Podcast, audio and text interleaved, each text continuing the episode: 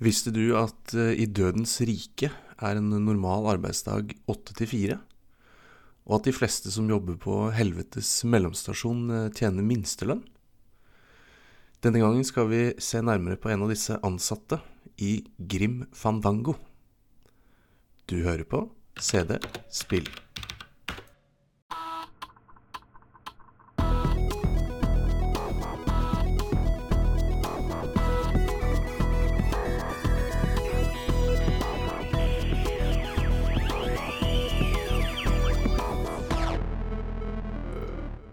Velkommen tilbake til din favorittpodkast fra fortiden om eh, datamaskiner fra fortiden med spill fra fortiden.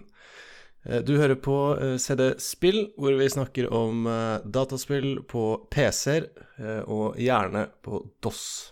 Jeg heter Sigve og er verdens mest ubrukelige pro-gamer. Men jeg har et stort hjerte og gode minner fra disse gamle tidene, så jeg er veldig, veldig glad for å få være her og få snakke om mine favorittspill fra barndommen. Jeg kan ikke gjøre det alene, eh, så jeg har tatt med meg en annen, gammel mann. eh, Og jeg er veldig glad for å ha deg her. Hvordan går det, Mr. Mammen? Eh, jo, det går veldig bra. Jeg er fellow geek, jeg. Vi er jo old eh, Ja, vi har vel nerda mye sammen, vi. I gamle dager, som noen sier. Ja, vi har nerda mye sammen, og det er jo Ja, vi er gamle, for det viser seg jo at uh, opptil flere ganger når vi har hatt gjester og, og folk som kommenterer, så er vi rett og slett de gamle. Uh, så vi har på en måte folk som er fan av de samme spillene. Men uh, de må jo da liksom innrømme at nei, dette var noe de fant ut av senere i livet, fordi de rett og slett er født etter at spillene ble sluppet. Uh, så det er en podkast for gamle spill på gamle datamaskiner.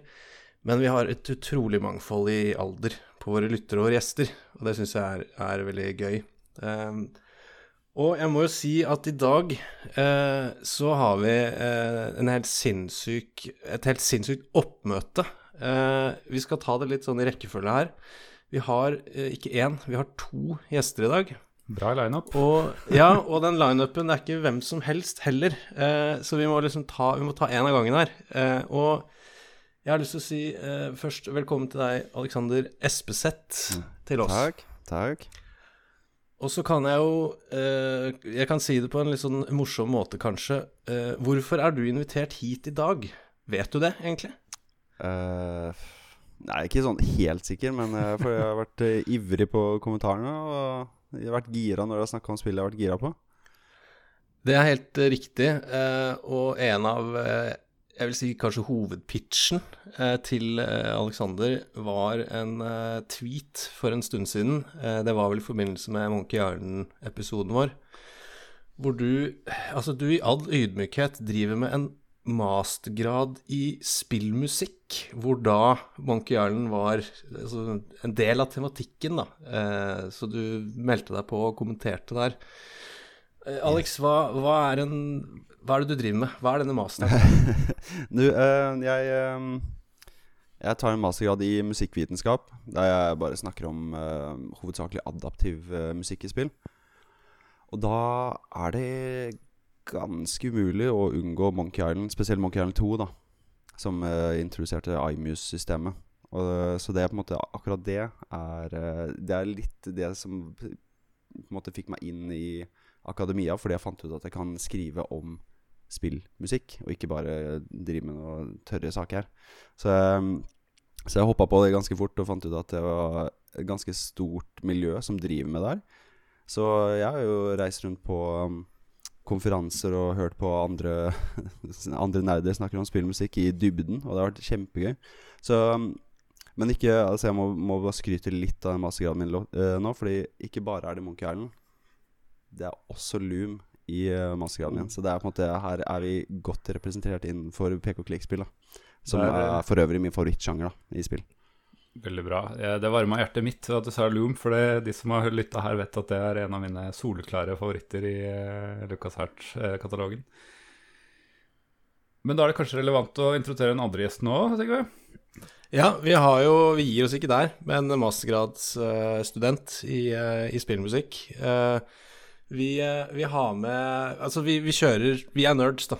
så vi er glad i nerdete ting. Eh, og vi har eh, rett og slett en gjest som har kommet tilbake. Eh, vi hadde med Einar Johan eh, på Skum VM-episoden vår eh, fordi Og nå husker jeg det sikkert feil, men jeg prøver likevel da, å gønne bare på. Eh, Einar Johan har altså vært med å utvikle, eh, kall det den nye Scum VM, eh, og er altså rett og slett er en del av de som er med å utvikle det. Så det var jo så sykt gøy å ha med og snakke om Scum VM i den episoden. Og når han nå hørte at vi skulle snakke om Grim Fandango, da, da kvikna han veldig til og ble veldig nysgjerrig, og vi ble superhappy at han hadde lyst til å være med. Så Einar, velkommen eh, tilbake til oss. Jo, takk for det. Sa jeg, sa jeg det riktig, det der med Scum VM-greiene? Eh, Jeg var med på eh, å utvikle Residual VM, som tar seg av 3D-spill i Scam-VM. Og så har jeg da uh, ramla inn litt der når Scam-VM og Residual VM ble slått sammen, sånn at du fikk 3D-støtte i vanlig Scam-VM nå. Kanskje det viktigste poenget der er at Residual VM, det første spillet som ble støtta der, var nettopp Grim Fandango. Så med den sammenslåelsen så fikk Scam-VM støtte for Grim Fandango, da. Kult. Passer det utmerket godt, siden det, som, eh, som dere vet, er dagens uh, spill.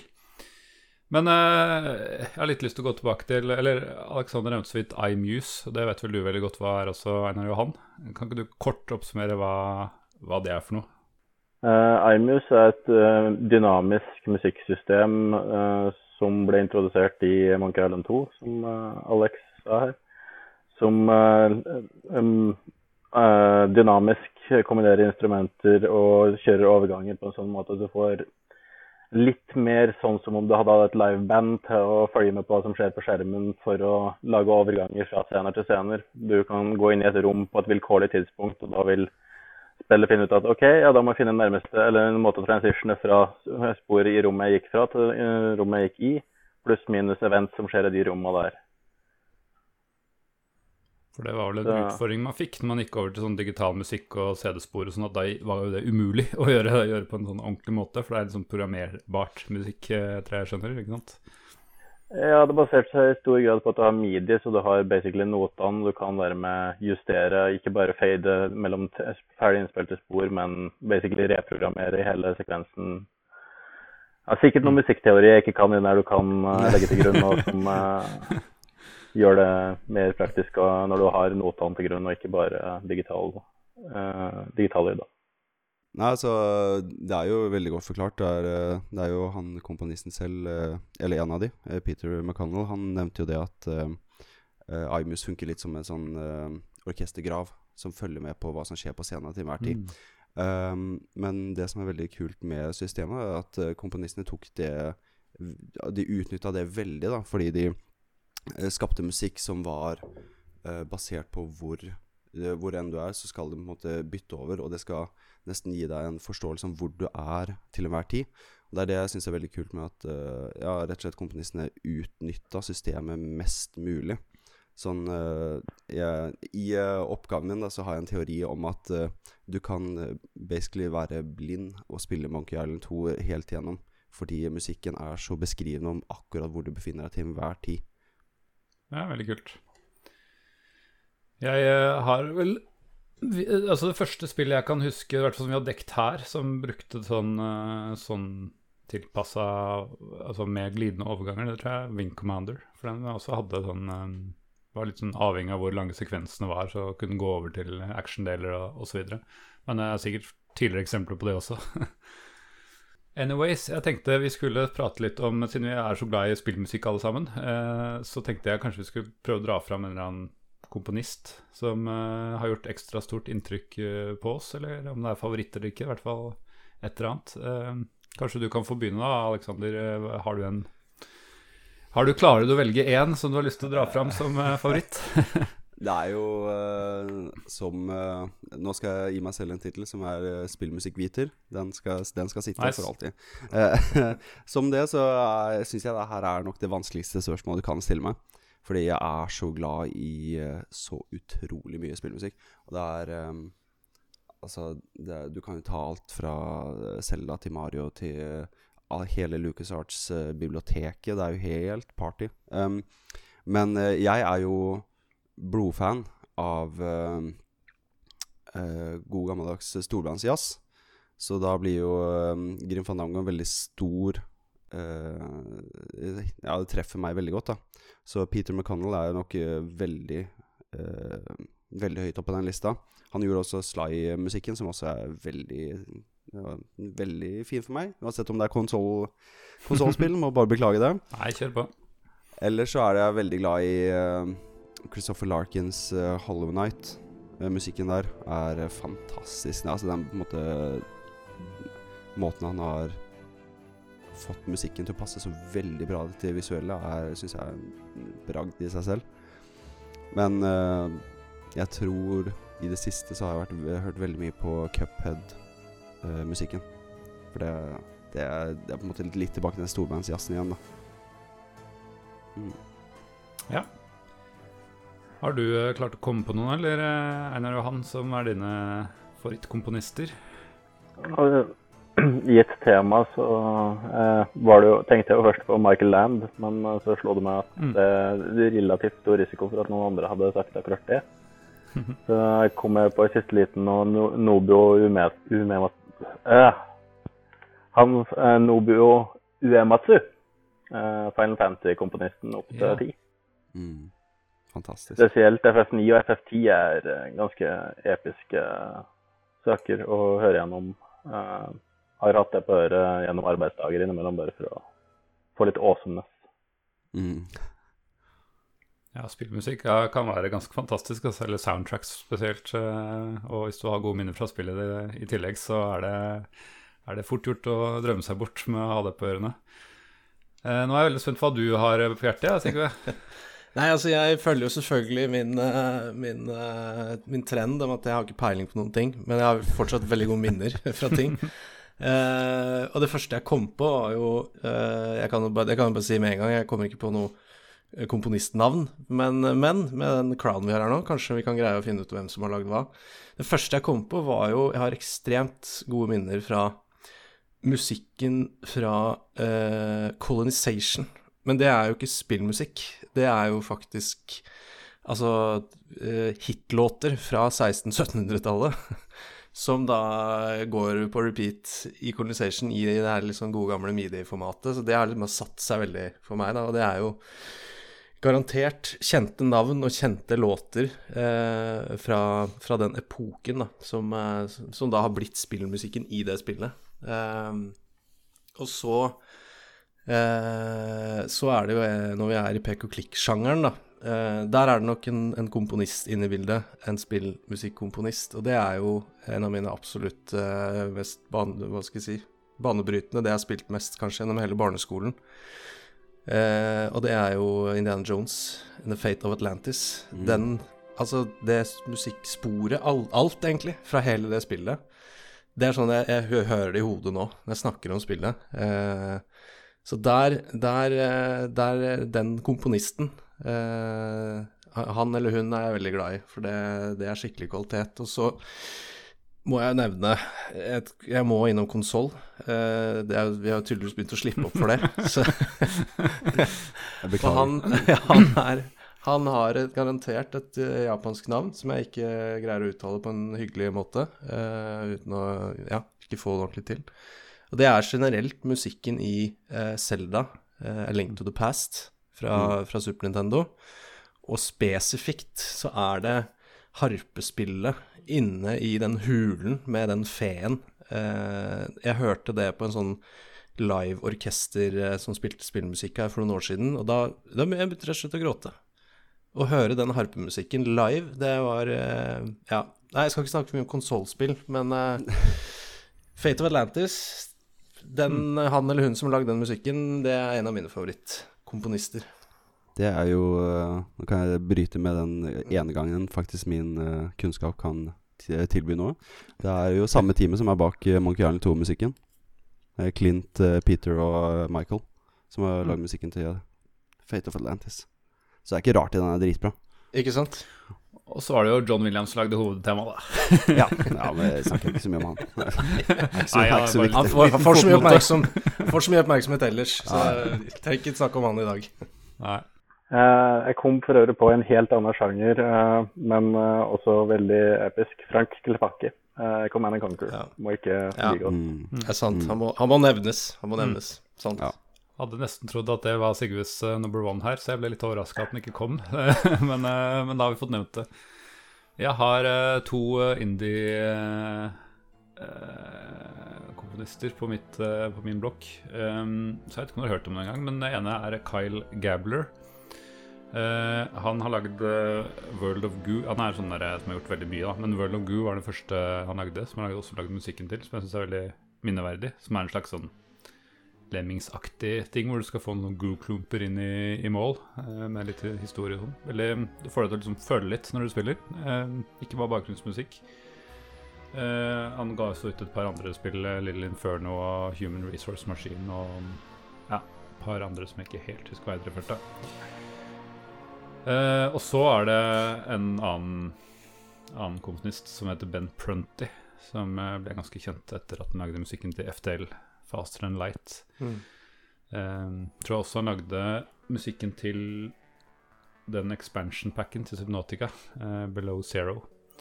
Så mm, han er vel blitt Han er veldig mye sånn som høres veldig sånn 16-bit ut, uten at det er det, selvfølgelig. Eh, som gjør veldig inntrykk. Så mm, ja. For å dra fram noe litt mindre. Jeg har snakka så mye om musikk i andre ganger, så jeg må dra fram noe nytt. Vet du. Så, så, så da, da blir det det denne gangen. Men ok, nå har vi blitt kjent med hverandre. Blitt kjent med hverandres um, favorittkomponister og spillmusikk. Skal vi hoppe inn i dagens eh, tema? Eller eh, vent litt, vi ser oss tilbake før vi hopper inn i dagens tema. Uh, Bitte litt. Eh, Worms hadde vi om da. Eh, det var Bjørn Lynne som lagde musikken til, for øvrig. Han ble dessverre ikke nevnt av noen av oss her i dag. Men Det får vi sikkert skjenn for, for det var jo et tema med Bjørn Linné i hele den Worms-episoden. Hvor, eh, hvor eh, Og jeg, jeg, jeg likte jo fyren, til og med. Jeg likte jo at ting var skummelt og ja. Hør på episoden. Jeg likte Bjørn Linné veldig godt. Eh, vi har hatt eh, litt, eh, litt grann bevegelse på SoMe i forbindelse med vår Worms-episode. Eh, på uh, Twitter Altså, det går litt igjen, da, fordi Worms er jo et main, mainstream storspill, vil jeg jo si. Og der det ikke, det er, Ja, det har skjedd litt, men det har ikke skjedd mye på social medias. Men når vi snakker om indie-spillene våre, da, da sprenger det jo, eksploderer det jo fullstendig. Så vi følger tydeligvis den trenden her også, med litt sånn rolig, behagelig engasjement. Eh, på, eh, på Twitter så kommenterer eh, eh, Torbjørn eh, i all enkelhet Hva slags konsollinvasjon var? Var dette? Veldig spellete. Eh, så der er det jo rett og slett kritikk, og det skjønner jeg veldig godt, fordi vi glemte å låse døra til studio, og når vi kom inn der, så var det fullt av ja, spillfolk, eh, rett og slett. Eh, vi brukte diplomati og spilte inn en episode sammen med de, og fikk sånn sett jagd de på dør, da. Eh, så anbefaler jeg alle, som jeg alltid gjør, å gå inn på spillhistorie.no. Vår gode venn Joakim Froholt har skrevet en liten artikkel om Worms-episoden. Så stikk inn og sjekk ut den. Og i kommentarfeltet på spillhistorie.no så sier Kim ikke bare har det holdt seg, det er fremdeles det beste Worms-spillet. Eneste som kan måle seg, er vel Worms Armageddon. Ok, kanskje Worms Armageddon faktisk er bedre, enn jeg tenker meg litt om. Så her er Kim inne, og uh, vi er vel kanskje litt enig uh, med Kim der, tror jeg. Ja. Eller er vi enige? Nei, nei, det er Worms World Party. Det er det beste spillet. Jeg beklager, okay. Bjørn, men uh... Einar Johan, er du Henger du med, eller setter du deg til motverge? Hva er din Verbs 2, definitivt. Worms 2? Ja, full spredning her, da. Det er litt ja det, er, eh, det er ingen enighet, rett og slett. Men Er det er litt litt kult at de klarer å lage sånne spill som appellerer til eh, ja, ulike generasjoner av gamere, for å si det sånn. Eh, jeg fikk én ting til som var litt kult. For, eh, for de som har hørt episoden, så, så ble dere vitne til, frivillig ufrivillig, jeg syns det var ganske fornøyelig, eh, at Håkon Puntvold sang Worm-sangen. Som vi tøysa litt med at det måtte jo autotunes og diverse. Og det, det har noen påtatt seg ansvaret for. Så jeg skal bare spille av det akkurat nå. Vel bekomme. bare, bare glede seg. ours. We're the best, and we come to win the war. With that, we'll never run. We stay until it's done. Though our friends may fall, and our world blown apart. Let's fight with all our might. We'll fight for what is right till the end. Det er så kult når noen Ja, gidder er, å gjøre sånn her. Det er helt uh, Vi må skynde oss å Jeg vet ikke, trademarke eller et eller annet. Dette blir jo Punti skal jo gjøre karriere på de greiene her, så vi må Den der må vi ta rettighetene på før, Ja. før han Han kan være i vår stall. Ja, han kan Altså, vi kan være hans label. Mm. Det kan vi Nå ga meg litt sånn eh, Portal-vibes. Ja. Ja, Den autotuninga der. Ja. det er sant. Eh, Det er litt morsomt at eh, jeg tror Nå skal vi til eh, 1998. Jeg tror det var sånn autotune-år. Er ikke det da Chair kom, eh, kom ut med Stemmer det. Autotunens uh, utkronede dronning, eller hva jeg skal kalle det. Eller kanskje kronedronning. Stemmer. Er det en tittel du vil ha? Ja, det det er et godt spørsmål. Og det er jo litt morsomt, for det er jo selvfølgelig den som har gjort autotune kjent, er jo den eh, Hva er det den heter? I Believe? Nei. eh, ja, Chair-sangen. Eh, Men også i 1998, faktisk litt før, så kom en ganske eh, kjent eh, autotune-låt som den Blue Dabadi Dabadi. Der, Som også er fullstendig autotune, men kanskje ikke Den er lagd på en litt annen måte, så det er kanskje derfor ikke den har fått samme recognition som autotune uh,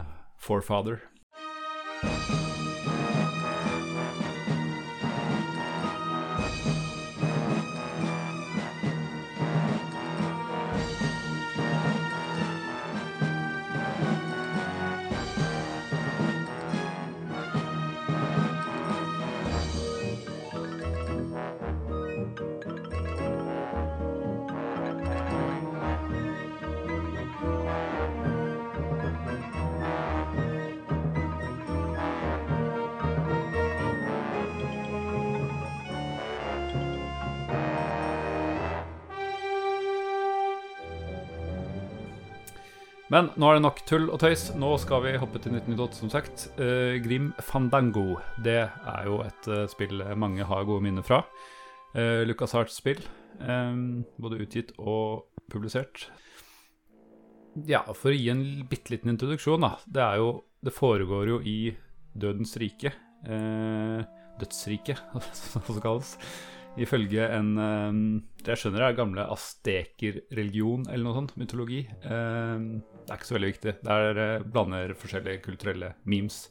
For du spiller i hvert fall som Mann Mion, som jeg er ganske sikker på at ikke kommer fra samme, samme kultur. Um, og så har de tenkt hva, hva kan han gjøre for noe veldig vanlig i Dødens rike? Jo, han er en uh, travel agent uh, med masse nine to five-jobb foran PC-en.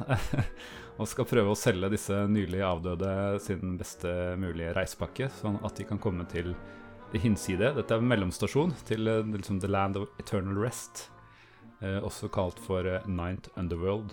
Eh, Så dette er Eight Underworld, og ikke spør meg hva de sju foregående Underworlds er. Eh, hvis noen av dere vet det, så kan dere rekke opp hånda nå. Eh, Men i hvert fall, det er nest siste endestasjon for, for de avdøde.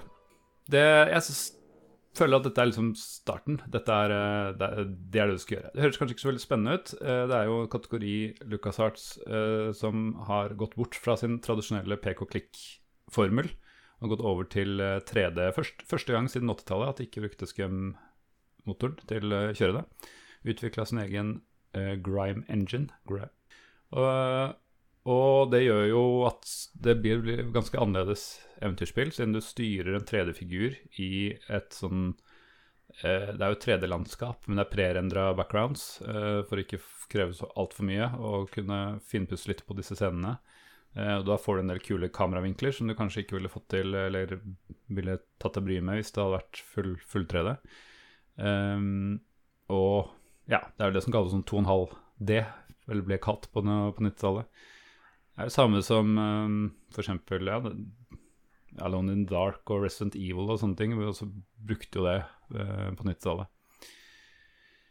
Så ja, det er liksom starten av spillet. Uh, jeg har veldig lyst til å høre litt uh, hvordan deres første møte med Grim Nango er. Jeg kan jo begynne med veteranen her. da.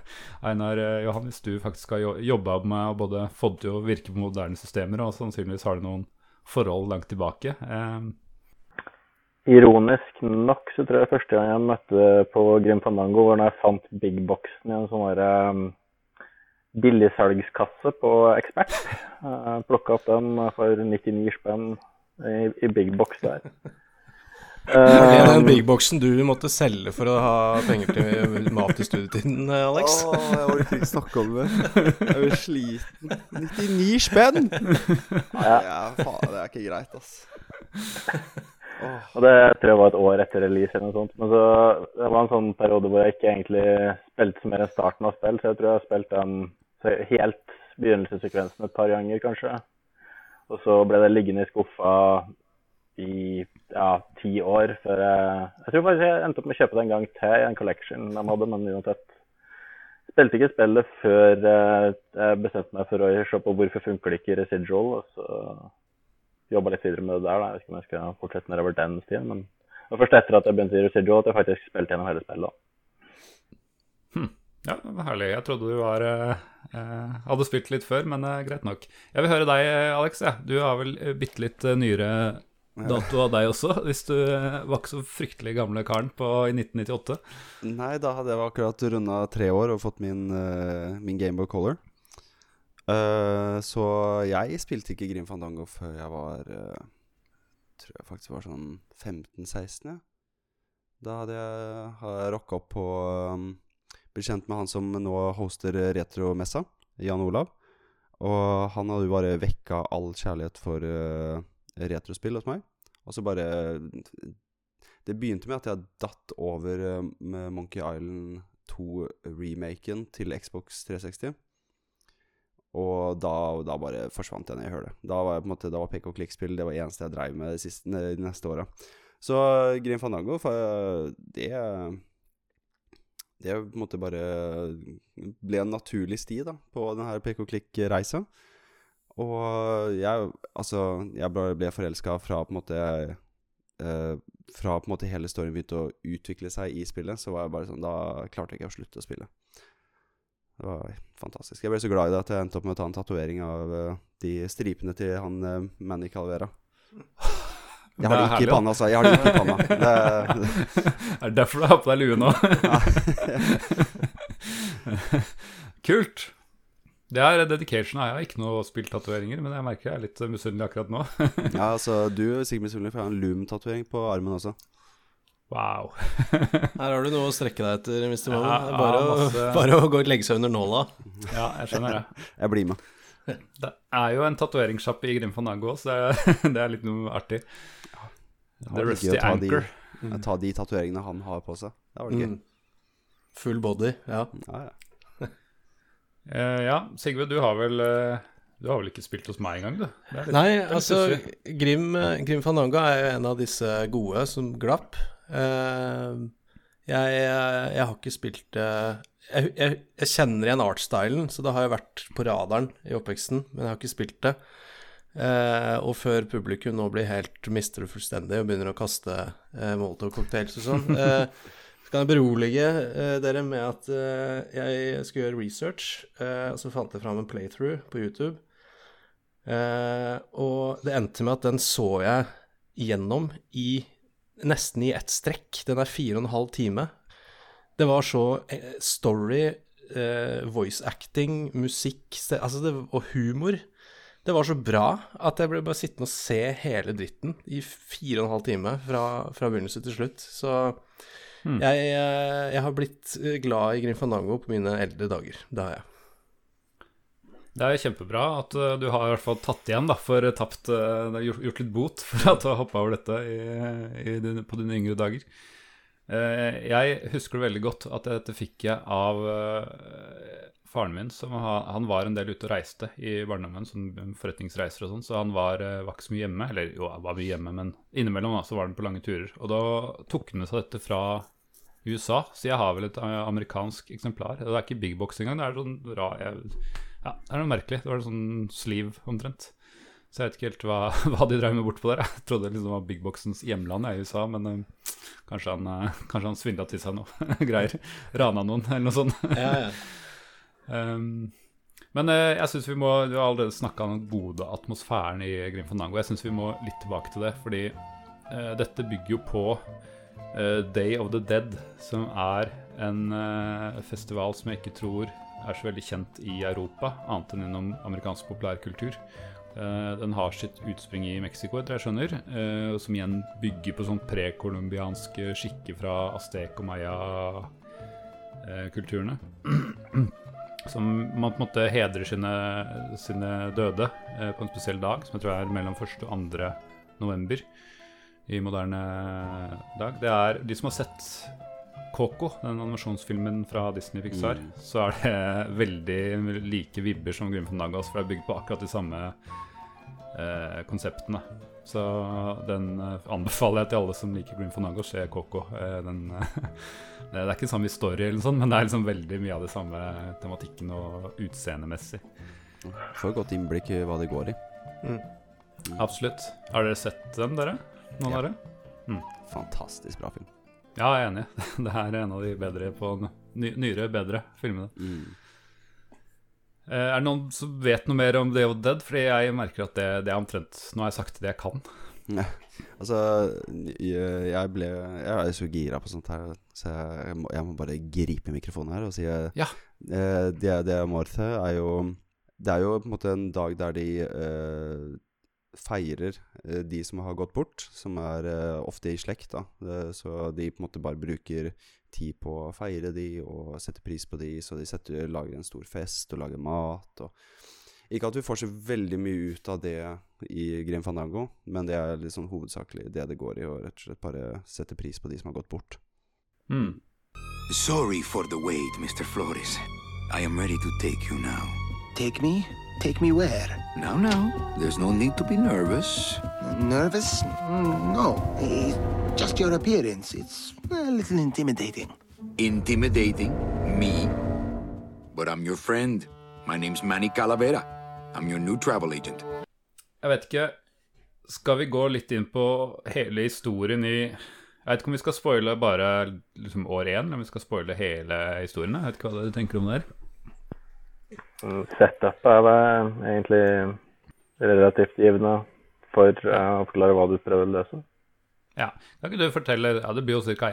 år én, da. Kan ikke du Einar fortelle litt om hva, eh, hva man oppdager, og hva man byr bier seg ut på i første året? I, det går jo flere år, der, men første året i Grim Fandango.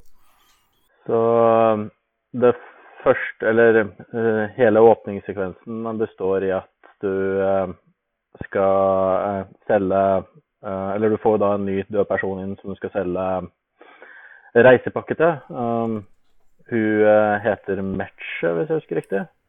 Og um, jeg egentlig kvalifiserer egentlig til top of the line stuff, men uh, av mystiske årsaker så uh, Med en gang han puncher inn i systemet, så får jeg en uh, veldig, veldig, veldig dårlig deal ut av systemet. Um, og blir jo da sendt i vei med den dårlige dealen, men uh, Manny Calavera, hovedpersonen, uh, lukter jo at noe er galt her. og uh, får en slight crush på vedkommende døde person òg, så vidt jeg husker.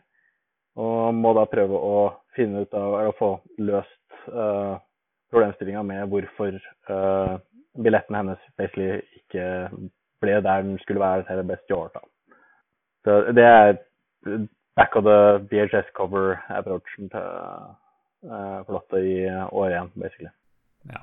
ja, for det er sånn at øh, målet med de- de avdøde er å komme seg videre, Uh, og det uh, er vel de som har levd et godt liv. Eh, det er litt sånn vagt om det er at du faktisk må ha levd et godt liv, eller om du har blitt begravd sammen med mye gull og treasures, for det, det, det kommer litt fram begge deler i løpet av dialogen. Men i hvert fall av de som har eh, god bagasje ned i, grava, de skal liksom da kunne ta toget som tar fire minutter. Og de som har veldig dårlig liv, de, de må gå til fots, og det tar fire år type.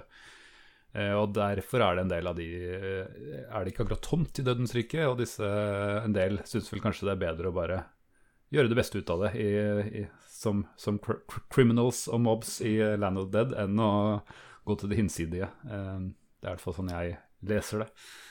Eh, og sånn også dukker vel eh, hun Meche, eller Mer Mercedes Colomar, som hun heter, eh, dukker opp fordi Manny er lei av ikke klare å selge noe. Og han tror at det er skyldes bare dårlige klienter eller dårlige Altså han bare får de av de dårligste dødsfallene. Eh, så han liksom rapper den foran eh, kollegaen sin som har eh, som er toppselger, da. og da skjønner han at det er noe rart når ikke liksom engelen selv klarer å, klarer å kvalifisere til bedre enn ingenting. Så, og så forsvinner hun i all forvirringen. Eh, så Manny løper etter, men da er det, er det liksom jakten på henne er eh, på mange måter motivasjonen som setter i, setter i gang hjulene her.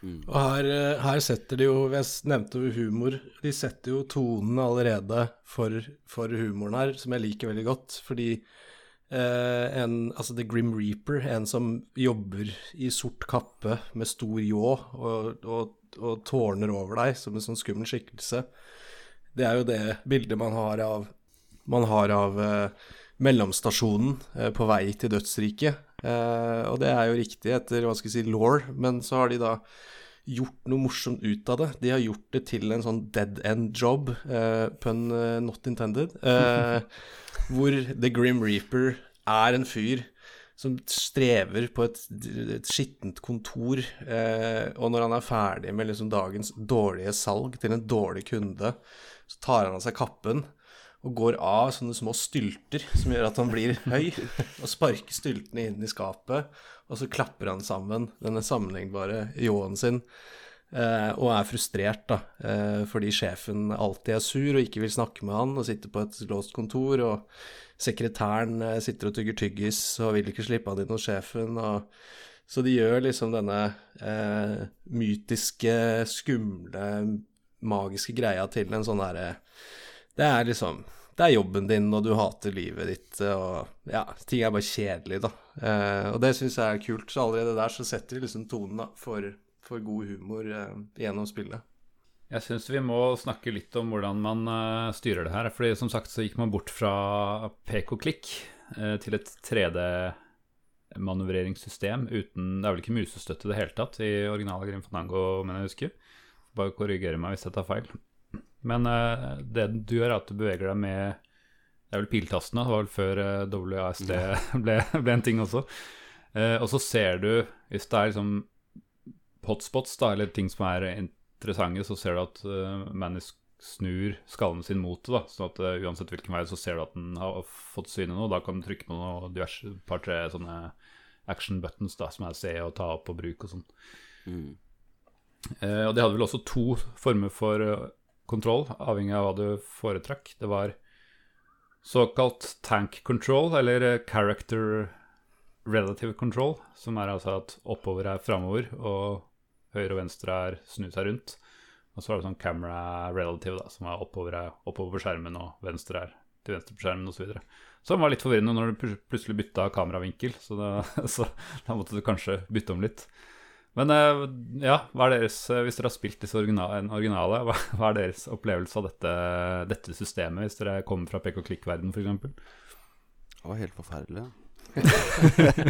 altså, jeg må innrømme det at jeg Uansett om rem remasteren har mye glitcher og litt eh, Den er ikke perfekt på noen måte. Så jeg kjenner at den, eh, det å få inn den der eh, eh, Kunne bruke musa, det var redda det spillet litt for min del. Um, jeg spilte originalen, for da remaken hadde ikke kommet ut når jeg spilte. Mm. Men uh, det å spille det igjen nå, nå som på en måte alle de, de fleste puzzlesa sitter i henda, da gjør det veldig mye at jeg kan bruke en vanlig Bare koble til en USB-mus til maskina. For så vidt uh, totalt uenig. Uh, men uh, Bra. jeg har egentlig aldri skjønt hva folk klager over med det der tank control. Så den er awesome. Fa- faktisk Altså, den screen relative-greia er helt håpløs. Fordi, som du sier, så bytter, bytter skjermen, så bytter retningen, så går du tilbake ut den der du kom ut, hvis den er på motsatt side av den. Så det, det er bare å gi opp. Men uh, character relative uh, controls eh, De 100 pluss rundene jeg har kjørt gjennom spillet, så har det funka veldig bra for meg. Det som er litt fancy med kontrollen av spillet, der, som jeg brukte veldig mye tid på å tune, er den For du kan spille hele spillet med numpad og enter, eller piltaster og enter. og I for å åpne inventory. Um, og eh, for å vite hvilke items uh, Manny skal plukke opp eller se på eller reagere på, så eh, vil eh, ansiktet hans fokusere mot items eh, etter hvert som du snur rundt på. Når beveger den i nærheten av ting, så er det litt clue og fintune. Og der er ting, når ting er nære, så er den fintuna veldig at du ikke har eh, pixel precision-ekvivalenten, hvor du må liksom være på én grad av rotasjonen hans. Det fungerer overraskende bra for å oppdage der er det noe å reagere på, der er det stuff. Eh, overraskende brukbart. Eh, relativt novel eh, da det kom. Eh, ikke så godt mottatt. Men jeg er stor fan. Ja. Jeg også hadde litt sansen for det. Altså, jeg spilte jo dette i 98 eller 99, da. Og jeg syns det var Det var ikke noe som irriterte meg. Jeg skulle være litt irriterende med inventory, for det tar litt tid å scrolle seg gjennom og finne den riktige tingen og bla gjennom, for akkurat det er litt tungvint, da. Men Ja, for- selve bevegelsen syns jeg var grei. For det tror jeg du må kjapt nevne, Mr. Maben. Eh, Inventory-systemet her er jo ikke som man er vant til fra gode gamle PK-klikk. Hvordan har de løst det i Grim Fandango? Nei, de har faktisk ikke noe som HUD, eller head, som display under eller noe bars eller verb eller noe som helst. Så du trykker eh, i, eller du har vel et par alternativer, men i var det jeg brukte for inventory. Og da ser du liksom uh, coaten til Manny, og så trykker du Blar du deg bortover da med piltastene, og så viser den fram alt den har, og så trykker du en tast for å ta den ut, da. Tar du ut ljåen din, eksempel, som er alltid trofaste ljåen har du med deg. Um, må du for så vidt den lydeffekten når han smeller ut ljåen hver gang. ah, Den er, fa, det er det er litt grøsning fortsatt. det. den er bra. Mm. Det finnes e- ett triks for å speede opp inventoryet ditt, da. Eh, men det er litt sånn i blinde. For du kan trykke én til ni for å velge item nummer én til ni i inventory, men det gjør i blinde basert på Ja, ja, ja. For det virker som det kan bli frustrerende over tid at du må scrolle deg gjennom alt han har på innsiden av jakka eh, hver gang du skal eh, bruke et Ja. item, da. Men med det systemet da, så må du jo lære deg itemlista. For på en måte, liten spoiler, da, men med hvert uh, år som går, så uh, får du på en måte mister du en del items og får nye items, og liksom, så må du på en måte lære hele alle den, den rekka da, fra én til ni. Det, man lærer seg det fort om man gidder. Ja, jeg tenker jo etter mye scrolling, så begynner du å vite hvilken, hvilke items som er hvor i rekka. Ja. Det er sant. Én er jo alltid ljåen din, i det minste. da, så det jo Og så tror jeg det er rekkefølgen du har tatt opp ting i, så det er ikke nødvendigvis at to alltid er det samme. Eh, det er i hvert fall mitt inntrykk, men jeg, jeg har ikke sjekka det. Jeg hadde glemt hele den funksjonen, at du kunne trykke på tallene før jeg leste manualen i går kveld eller sånn. så, så jeg, har jo spilt litt eh, nå med å bla gjennom, og det, den delen var litt kjedelig. Men eh, godt tips. Bruk 1, 2, 3, 4, 5, 6, 7, 8, 9, så går det litt fortere. Men jeg har bare sånn Kommer til å bli lang episode her, men jeg har inntrykk av at Grim Fandango ble ganske godt mottatt til tross for dette 3D-systemet. da. Eh, Det fikk i hvert fall gode reviews, og jeg tror at de Det solgte ikke så bra, men de som spilte det, har inntrykk av at likte det. Men, og det gjentok jo da holdt på å si suksessen ved oppfølgerspillet som er Escape from Monkey Island. Og det hater absolutt alle fordi det er 3D. Så lurer jeg litt på hvorfor liker folk Grim Fandango og ikke Escape from Monkey Island? Er det noen som tør å lage noen hypoteser her? Jeg har, jeg har en hypotese. Han som ikke har vokst opp eh, med spillene, men har kommet inn i senere tid. Ja. Eh, litt som fresh mind, ikke sant? Um, jeg liker å tro at Grim Fandango klarte det fordi det var en spillserie som ikke hadde noe før å bygge på. Mm. Og da når du skal på en måte bygge på Altså Nå var jo allerede Curse of Monkey Island kontroversielt. Jeg liker det spillet veldig godt, men det var veld, ble veldig øh, øh, Det var en sånn enten-eller-situasjon med de som øh, øh, spilte på den tida. Så da når du på en måte går enda lenger vekk fra originalen med spillet etterpå, så tror jeg Jeg tror det var mange som sleit veldig med det. På en måte Du mista mye av essensen som var i det med et eh, 2D PK-klikkspill. Uh, Escape of Monkey Island ble jo veldig meta. Uh, og litt, litt for mye meta på feil måte i forhold til det tidligere. Altså, ja, det var alltid litt meta, men litt vel. Og veldig, veldig stilbytte. Som uh, Ja. uh, Grim Fandango er jo egentlig det første noir-spillet i uh, fra LucasArts, mer eller mindre. Mm. Dog, uh, fun fact for øvrig, det kom ut mer eller mindre samtidig som Discworld Noir, som er det andre store noir adventure gamet. Ha, Mm. kult. Og det er ikke LucasArts sitt, men uh, ja, Discworld-folka sitt. Mm. Begge de er vel støtta i SKM-VM nå, er det ikke det? Eh, ikke, ikke Discworld Noir ennå. Uh, Nei. jo. Da har- noen jo en jobb å gjøre. Hvis noen brenner for det, så får du joine, ta kontakt med Einar Johan. Ja, nei, men det er tilbake fra eh, Monkey Island. Vi får hoppe inn i Grim Fandango igjen. Um, det hjelper nok det å ikke ha noen um, Ha en lang historie med, med fans bak seg. Starte på, på scratch. Og så var det mye mindre eh, inventory puzzles enn Monkey Island er jo kjent, notorisk kjent for eh, veldig mye bisarre inventory puzzles. Så det er kanskje ikke det, beste med en sånn, sånn interface. Um, jeg må innrømme at med remaster som du snakka om, så syns jeg det var veldig befriende med musstøtte, selv om det ikke irriterte meg back in the day. Men jeg ser at den har begrensninger også. Den, um, det er vanskelig å se Det er ikke alltid det er piler hvor den skal gå, og det er ikke alltid så lett å orientere seg. Så jeg merker at jeg lagt på etterpå. Det som er litt artig med akkurat den musstøtta, er um, Telltale Games uh, hadde jo to sesonger med Sam Max som var point and click, og så gikk de andre veien i sesong tre.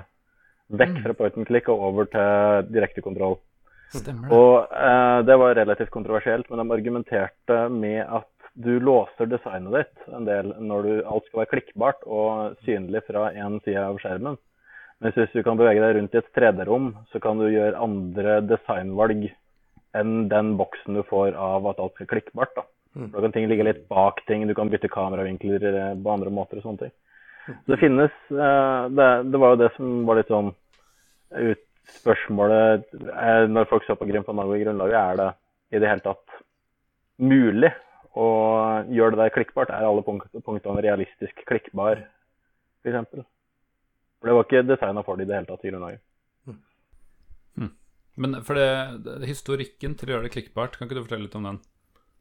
Så uh, etter at Residual VM hadde fått støtte for å kjøre Grim Fandango i grunnlaget, så dukka det opp en uh, fyr, uh, jeg tror det var på forumet eller på GitHuben, som ville prøve å legge til en sånn Grim Mouse-mod som han hadde jobba på. da.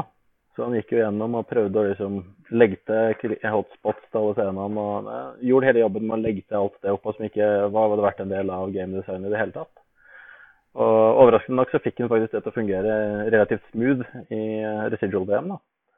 Så når um, Double Fine et par år senere skulle remastere, uh, så tok de kontakt med han, fløy han over til California og han til, tok en prat med han om hva han hadde gjort og hvilke triks. For det var eh, rimelig sikker på at det der var jo like unviable som veldig mange andre hadde sagt før. Altså det, det var for var ikke designa for å være klikkbart, så ergo ville du måtte tegne om ting. Eh, men de fikk eh, inputen fra han, og det funker overraskende bra i eh, eh, remasteren. Altså. Det er da lagt til litt sånn eh, ikoner for items og sånne ting for å gjøre det lettere å bruke. Vi snakker om. Det funka veldig bra for min del. Jeg klarer ikke å spille originalen lenger. Jeg. Jeg har faktisk aldri spilt hele spillet på en klikk. eh, bare Stand Control. Det er eh, anbefalt. Veldig. Jeg merka når jeg prøvde tank controls nå, at jeg syns det tok så lang tid å snu seg rundt. Det var sånn, Jeg syns det var, var så slitsomt, fordi jeg skulle bare, skulle bare dit, og så tar det litt tid å snu seg rundt med, med roteringsgreiene. Og det er ikke akkurat det kjedeligste med alle eventyrspill, det er å traversere fra A til B. Det kan, Ja, det, det blir veldig mye av det på Det på ett punkt i det spillet der. Der Mm. eh, jeg merker det er eh, Er vanskelig å ikke spoile mye? Ja, vi, vi, vi snakker om det fritt. Det, de som Ja, okay. ikke har spilt det, de får, de får skylde seg selv. De skal ikke avsløre the big finale her, men vi kan snakke litt løst om eh, hva som skjer underveis. Eh, Rubakawa regner jeg med du skal det er. Rubakawa jeg regner med når du skal løpe rundt og fikse sånn 20 forskjellige ting, og de går litt om Mm. hverandre, og det er bare sånn Og det er ganske langt mellom uh, de stedene. Mm. Som, eh, det er for så vidt én ting Dere som er eh, eh, veteranere i den verden her. Det er et puzzle jeg aldri har skjønt meg på. Jeg fikk hjelp av en kompis når jeg gjorde det. Men jeg skjønner fortsatt ikke. Jeg bare husker svaret. Cat racing. Ja. Hvor får du det Hvor får du ticket number? Altså, jeg skjønner det ikke. Jeg lurer på om det er en kombinasjon av å lese på uh, statuen av katta og høre på det som blir sagt. Eh, altså den bakgrunnsstøyen fra stadion der er en del av det, tror jeg, og den katta, kattestatuen. Eh, det er en sånn rar miks. Det er et helt sånn på trynet-puzzle, men ja. Ja, for det, Det, det sånn, informasjonen finnes der. ja, ja, ja, for jeg tenker liksom, det, er, det er jo ikke et LucasArts-spill om Altså, det, det finnes der, jeg er helt sikker på det, men Altså, det endte jo opp med at det var en kompis som bare Ja, ja, det, det er bare Hva var det? To tirsdag seks, tror jeg det er. Eller så er det seks tirsdag to. Det er en av de veiene der. Og det hadde bare brent seg inn i hjernen. For det er bare sånn Jeg har ikke Jeg, har aldri, jeg skjønte aldri hvordan jeg skulle få til det. Men ok, da skal, jeg, da skal jeg faktisk prøve på det neste gang. Og se om jeg klarer å finne fram akkurat det riktige svaret. Fytti. Ja, for det, det lurte jeg på, Mr. Mamen, da du spilte det her eh, når fattern hadde vært på utenlandsreise. Um, og det var ikke så mye YouTube-guides. Uh, og jeg hadde ikke spilt det, så jeg kunne ikke bidra. Hvordan, hvordan kom du deg videre i spillet? Hvordan, hvordan løste du gåten og kom deg videre? Ja, det var jo ikke noe tvil om at dette var eh, langt Dette varte lenge, for å si det sånn. Og Rubakava var nok det stedet jeg sto fast lengst. eh, Og så sånn sett så har jeg sånn elsk-hat-forhold til det. For jeg syns, kanskje det er det fineste lokalen i hele liksom, Fineste scenery i hele spillet. Men du er der fryktelig lenge, og når du først løser én puzzle, så har du bare en ny puzzle foran deg, så det, det tar tid å brenne seg gjennom det. Um, men akkurat det puzzlet der måtte jeg faktisk slå opp eh, selv i helga, hvor, hvor eh, informasjonen kommer fra. Eh, så jeg kan avsløre det her og nå på, på direkten. Ok, okay. Eh, Jeg er klar. for det som er greia, da, er at vi har en Du skal lage en fake Fake ticket. Mm. For du har fått en sånn Counterfeit uh, ticketmaskin av Chowchilla Charlie. Og da må du vite uke, du må vite dag, og du må vite Hva er det siste? Da er en eh, liksom Day of month, eller noe sånt. Ja. Det er noe sånt. Eh, og uke finner du på den statuen, ja, eh, som du sa. Det er vel uke to. Eh, dagen finner du på ved å snakke med en av disse billettfolka som snakker om den legendariske racer eller annet sånt noe. Eh, den sier Tuesday.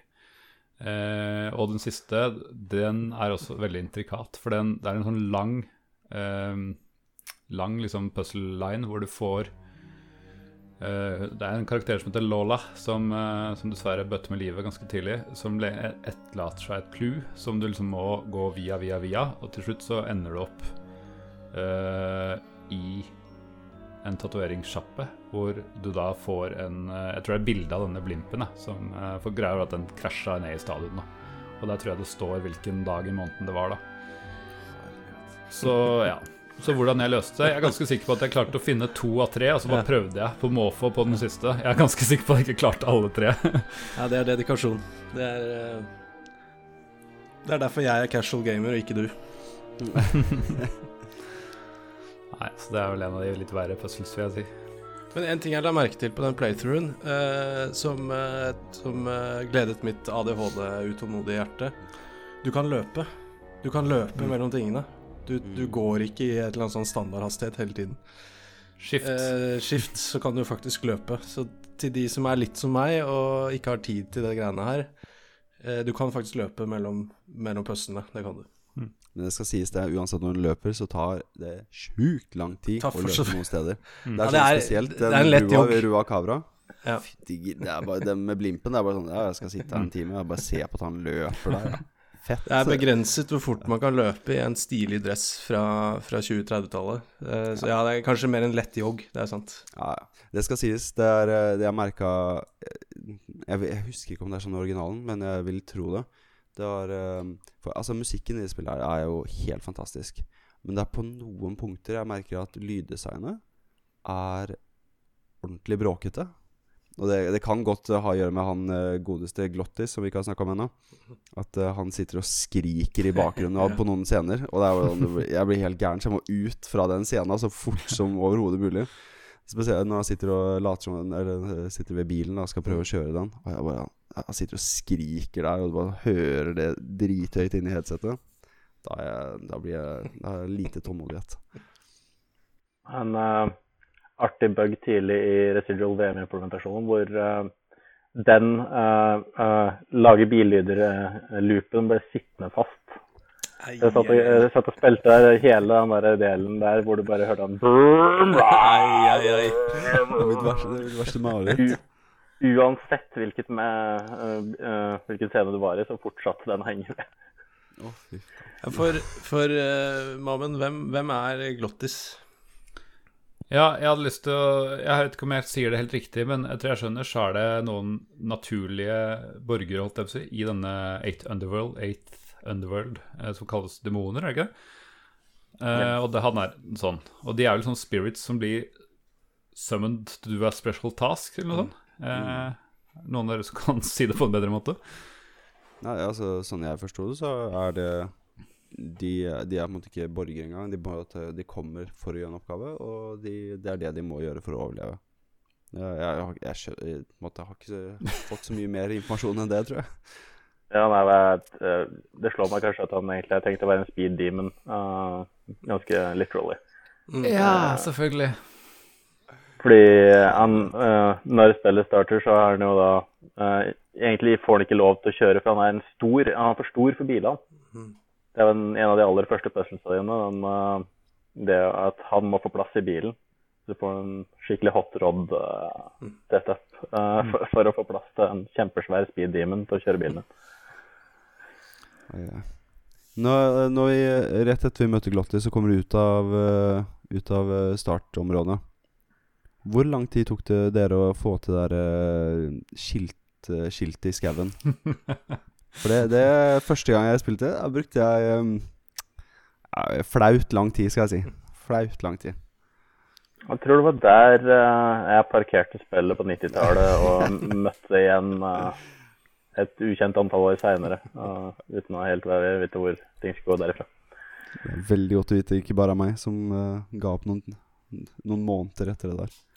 Herlighet. Jeg husker ikke hvor lenge jeg sto fast, men jeg husker det var um, Ja, det gjorde inntrykk. For, for å forklare det puzzlet, så har du uh, Du har et skilt som peker hvor du skal, finner du ut etter hvert. da. Uh, det tar litt tid først å finne ut det, at du faktisk uh, kan ta opp et skilt. Men når du planter ned, så peker den liksom hvor du, hvor du skal gå hen. Og så er det ett rom, hvor, eller ett sted da, hvor du har liksom, rundt hele skjermen er det fullt av veier. Og hvis du bare prøver på måfå, så er det sånn at kjører du inn igjen, så kommer du ut på motsatt side. Type, da, sånn tegneserielogikk. Og så prøver du å plante dette flagget på det rommet, da, så vil den bare peke liksom, across the screen. Da, så går du, går du, prøver du å kjøre litt, men det skjer jo ikke noe. Så planter du den nærmere, så, så peker jo bare dette skiltet i motsatt retning. da. Men uh, spoiler alert, løsningen er jo da å plassere den Ja, det er ikke helt midt i det, men et, bare følger der hvor den prøver å triangulere, da, som er sånn roughly midt i, midt i rommet. Og så begynner den plutselig å spinne rundt som en hel tulling, og så peker den ned, da, for det er en sånn secret passage nedenfor. Som er kjempemerkelig, og det gir ikke noe mening heller. fordi at det, nedi dette rommet så ser det ut som du er ute i naturen, så jeg, jeg skjønner ingenting, jeg. Jeg, jeg tror jeg fant det av en feil, rett og slett. Jeg bare holdt på, satt det ned, Ja. så satte jeg det ned litt sånn ja, samme, samme hvor jeg setter det nå. Nå skal jeg bare finne ut hvor jeg skal. Plutselig peker jeg ned, og jeg bare Du kødder nå? Jeg, kjen- jeg ble litt varm i trøya når jeg fant ut det skjønte jeg. Det var litt tilfredsstillende å løse. ja, det, jeg, det var sikkert sånn jeg også gjorde det, helt uh, vilkårlig. At jeg bare prøvde for n-te gang, og så jøss, yes, skjedde noe. Glottis er jo uh, litt sånn comic relief i en ellers litt sånn mørk og dyster, uh, men komisk historie. Mm. Eh, Han har- gjør jo den hot rod-ombygginga av bilen, eh, som i grunnlaget er en helt vanlig sånn hearse, uh, likbil, eh, til en hot rod hearse til å begynne med, og så får han problemer med at han skal krysse noe enda større. Så via litt sånn puzzles og sånn, så blir det jo da en eh, hev og senk-variant av bilen med det er da favorittquotet mitt fra spillet dukker opp. så Jeg måtte, måtte finne det fram nå. Many, until now we've scraped along the ground like rats. But from now on we soar like eagles. Yeah, like eagles on pogo sticks. Fantastisk. Manny, until now we scraped along the ground like rats. But from now on we soar like eagles. Heh. Like eagles on pogo sticks! Det, det, er, det er godt sted å påpeke at voice-actinga i det spillet her Voice-actinga i det spillet er latterlig bra. Det er, Jeg, jeg satt og så på um, en live uh, live-greie fra jeg tror det var E3, der de uh, annonsa remasteren. Og jeg bare jeg, Altså, jeg fikk jo frysninger av å sitte og høre på det, sitte og snakke og det, Jeg syns det var, det var Det er Jeg følte det var så forut sin tid, da. Jeg, hadde spilt, jeg satt nesten og spilte en film. Ja, for det er det der de gjør en sånn table read? Ja, det sitter bare alle sammen bare lina på en scene, og så er Jack Black narrator.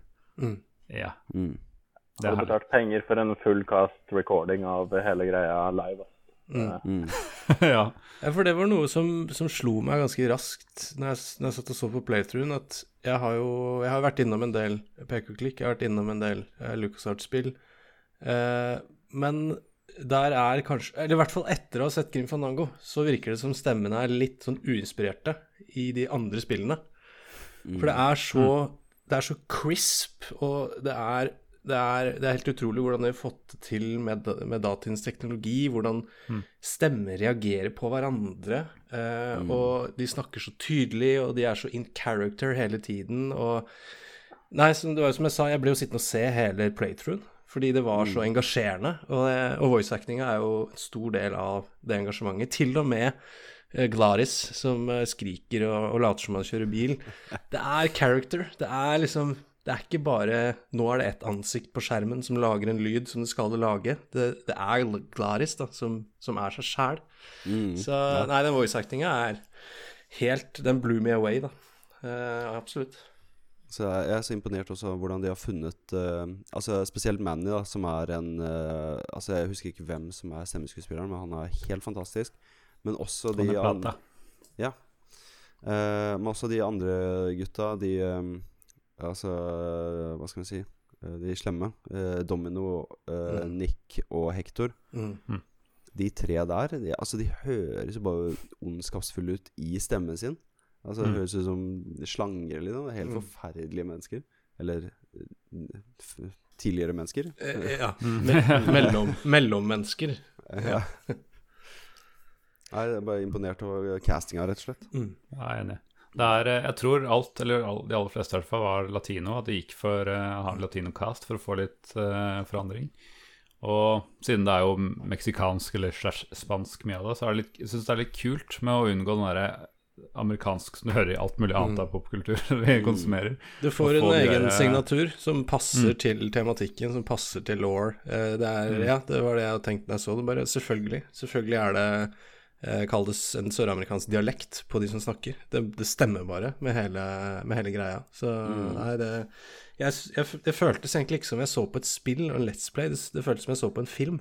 Jeg satt og så på en film. Eh, jeg skjønner jo, nå har jeg jo eh, blitt skånet fra disse puzzlesene som dette skiltet og, og den ticket number og sånne ting. Eh, Men når du ikke tenker på puzzlene, så det er bare egentlig en litt sånn humoristisk og kul film, faktisk. Mm.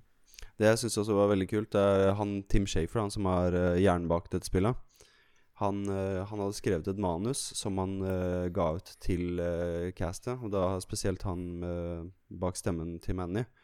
Han, eh, han begynte å forandre på det og slenge inn lingo og på en måte gjøre det Mm. til en sånn veldig sånn eh, meksikansk eh, greie. da At det ble reelt. At det ikke ble Mm. en sånn derre Hva skal man si En eh, eh, amerikansk mann som har prøvd å skrive Mm. meksikansk eh, eh, Meksikansk sin ja. Jeg har sett nok av det i Hollywood, at uh, amerikanere skal prøve å late som de er uh, nordmenn eller uh, Ja, ja. tyskere eller et eller annet, og så blir det bare dritkleint hvis man Ja. kan bitte litt mer enn eh, Nei, det fremstår jo autentisk. Det Mm. føles autentisk. Autentisk, det var ordet, vet du. Der. Jeg bare hører på liksom, eh, disse navnene. Eh, Det er liksom så mye hardere enn sånn klassisk amerikansk. For eksempel Manuel Calavera, Mm. Mercedes Colomar, Mm. Salvador Limones, Viva la revolución. Ja, ja, ja. Eh, Jeg syns det eh, gir en veldig god klang. Men eh, apropos eh, voice acting, det er ett sted i spillet jeg syns det ikke funker helt. Eh, og jeg tipper at dette er gjort sånn som alt mulig annen voice acting, at eh, alle har tatt opp sine egne linjer eh, separat. Eh, og det er at han ene sjømannen Velasco skal stå og stirre på månen, eh, og så skal de i kor synge et dikt. Og det er så åpenbart at de, de er ikke aleine. Så akkurat den ene som de skal synge i kor, der eh, faller det litt grus, da. Men eh, alt mulig annet er top notch. It shone pale bone as I stood there alone, and I thought to myself how the moon that night cast its light on my heart's true delight, and the reef where her body was strewn. Ja, ja, ja. ja, ja. ja jeg, jeg begynte å tenke på når de er under vann og de skal synge den sangen når de går mot uh, ja, litt light light of mine, ja. ja. Ja. For da, da skjønte jeg at jeg mitt, uh, mitt musikalske hjerte gråt når de ikke klarer å synge på samme beat. Jeg ble bare, ja. Det er helt forferdelig. Ja, men jeg, jeg lurte litt på det selv, for det, det er vel den 'This Little Light of Mine' som han synger, han, eh, han eh, fyren som dukker opp under vann der med den der eh, lanterna hengende fra huet. Mm. Og så, for Jeg kommer jo fra utsiden og med friskt syn på det. For meg så var det litt sånn en klønete gjeng som egentlig ikke kan synge, og så kommer det en raring som egentlig heller ikke helt kan synge, men han gjør det hele tiden. Og så skal de liksom bare bli med han og synge, og så bare høres det Det er offbeat og litt her og der, men det er sånn Ja, men det stemmer jo egentlig med at det er en skikkelig sånn bulkete gjeng som bare Ok, du synger en sang som vi skal være med på. Ja ja, vi får synge med den stemmen vi har, da.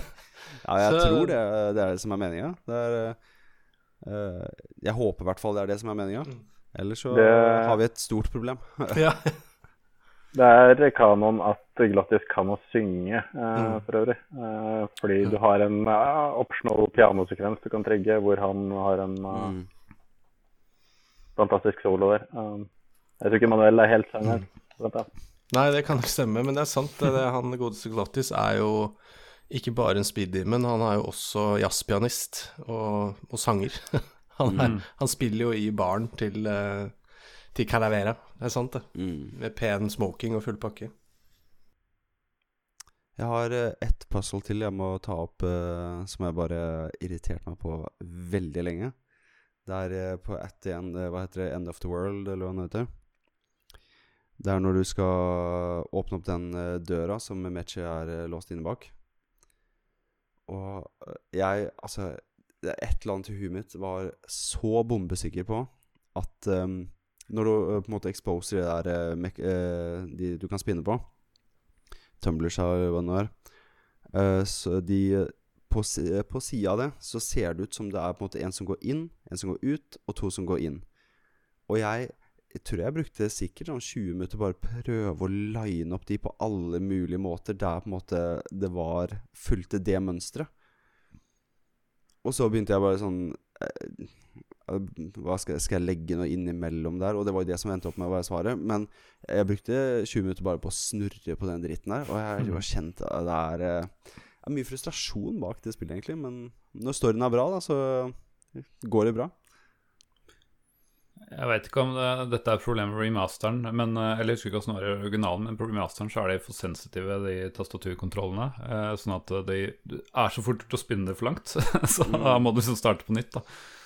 Eh, og det merka jeg også på den crane, samme sted, så er det en sånn crane du kan kjøre fram og tilbake. Og der er det sånn du holder inn et sekund, så har du bare spint liksom kilometer rundt.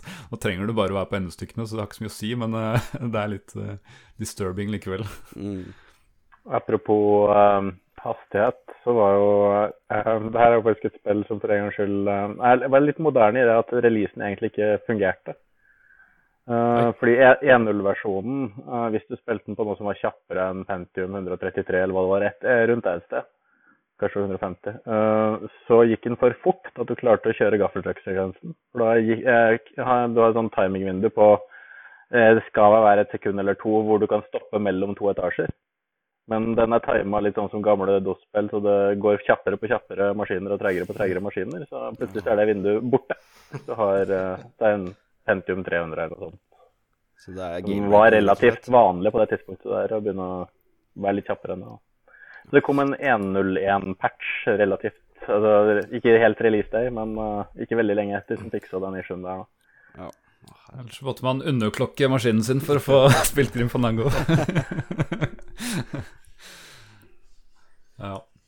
Er det noen andre gåter som vi skulle nevnt før vi går videre? Ja, så var, jeg syns det var veldig gøy med Å hjelpes. Eh, jeg, altså, jeg syns alle er veldig morsomme, for de er litt sånn selvforklarende, og da blir det litt sånn smålett. Men jeg likte veldig godt det med at eh, når du skulle få fuglene til å stikke av, så du la en ballong under eh, brødsmulene. Og det Jeg, bare, jeg vet ikke, jeg syns det var bare mye smarte puzzles som eh, Det var ikke så mye sånn der som var helt forferdelig å finne ut av. Det er jo egentlig poenget. Hm. Jeg følte at jeg, jeg klarte det selv, for det meste utenom det jævla katt... ja, jeg tror uh, dette var prega av den tiden hvor man Heldigvis var ikke så mange inventory items. Man, jeg prøvde jo bare alt på måfå. Det var det strategien min i alle, alle eventyrspill, egentlig. Bare det man har, prøver man på alle steder hvis man står fast. Og så er man heldig, og så kommer man videre etter hvert. Mm. Jeg tror ikke det med å fylle ballonger med å sende det i rørsystemet var det første jeg tenkte på heller. Altså det, det, var, det var litt vrien. Det har jo, det har jo ting som ikke er er morsomt, men er, nei, ikke er uh, vanskelig, men litt sånn timing. Uh, av det enklere så er jo demonbeverslokking. Uh, Mm. Mm. ja. På et tidspunkt der så har demonbeverne lagd demning, så du må slukke brennende bevere for å kjøre videre. Men uh, du har noen sånne ekle timinger på noe um, eh, sånn conveyor belt på et tidspunkt der, hvor du må liksom gå på på akkurat rett tidspunkt for å komme deg over til neste For du skal ja. gå mot båndet eller noe sånt. Jeg husker det var krisevanskelig å få tima rett. Ja, det er noe sånn uh, stockings-puzzle også som er time-based, husker jeg. Ja. Aldri likt time-based puzzles. Nei, ikke jeg heller. Du må bare du må klokke ned prosessoren din, så Nei, jeg, jeg, jeg må jo si at jeg syns det var ganske humoristisk å få um, Glottis til å kaste opp i, under bilen din for at du Mm. skulle så fryse det, og det var litt sånn ubehagelig å se på, men uh, det var ganske Jeg husker det godt, da, med lydeffektene som Mm. spiller seg bak huet mitt. Ja, for han kaster opp mye òg.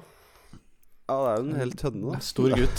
Stor gutt. Men Det er et puzzle som overhodet ikke gir mening. Fordi setupen her er at det er masse domino som er kobla til eh, som, velter Som ja, blir jo en Rude Goldberg eh, omtrent. eh, som sets off an explosion, liksom. Som rigga til eh, avsatsen. Eh, og for å bli kvitt dette, så kan du liksom ikke plukke bort eller annet sånt. Du er livredd. Men at han kaster opp hele rommet, det, det velter ingenting. Det går liksom fint. Det legger seg sånn pent ved siden av alle dummene. Som en lake. Ja. Nei, herlig.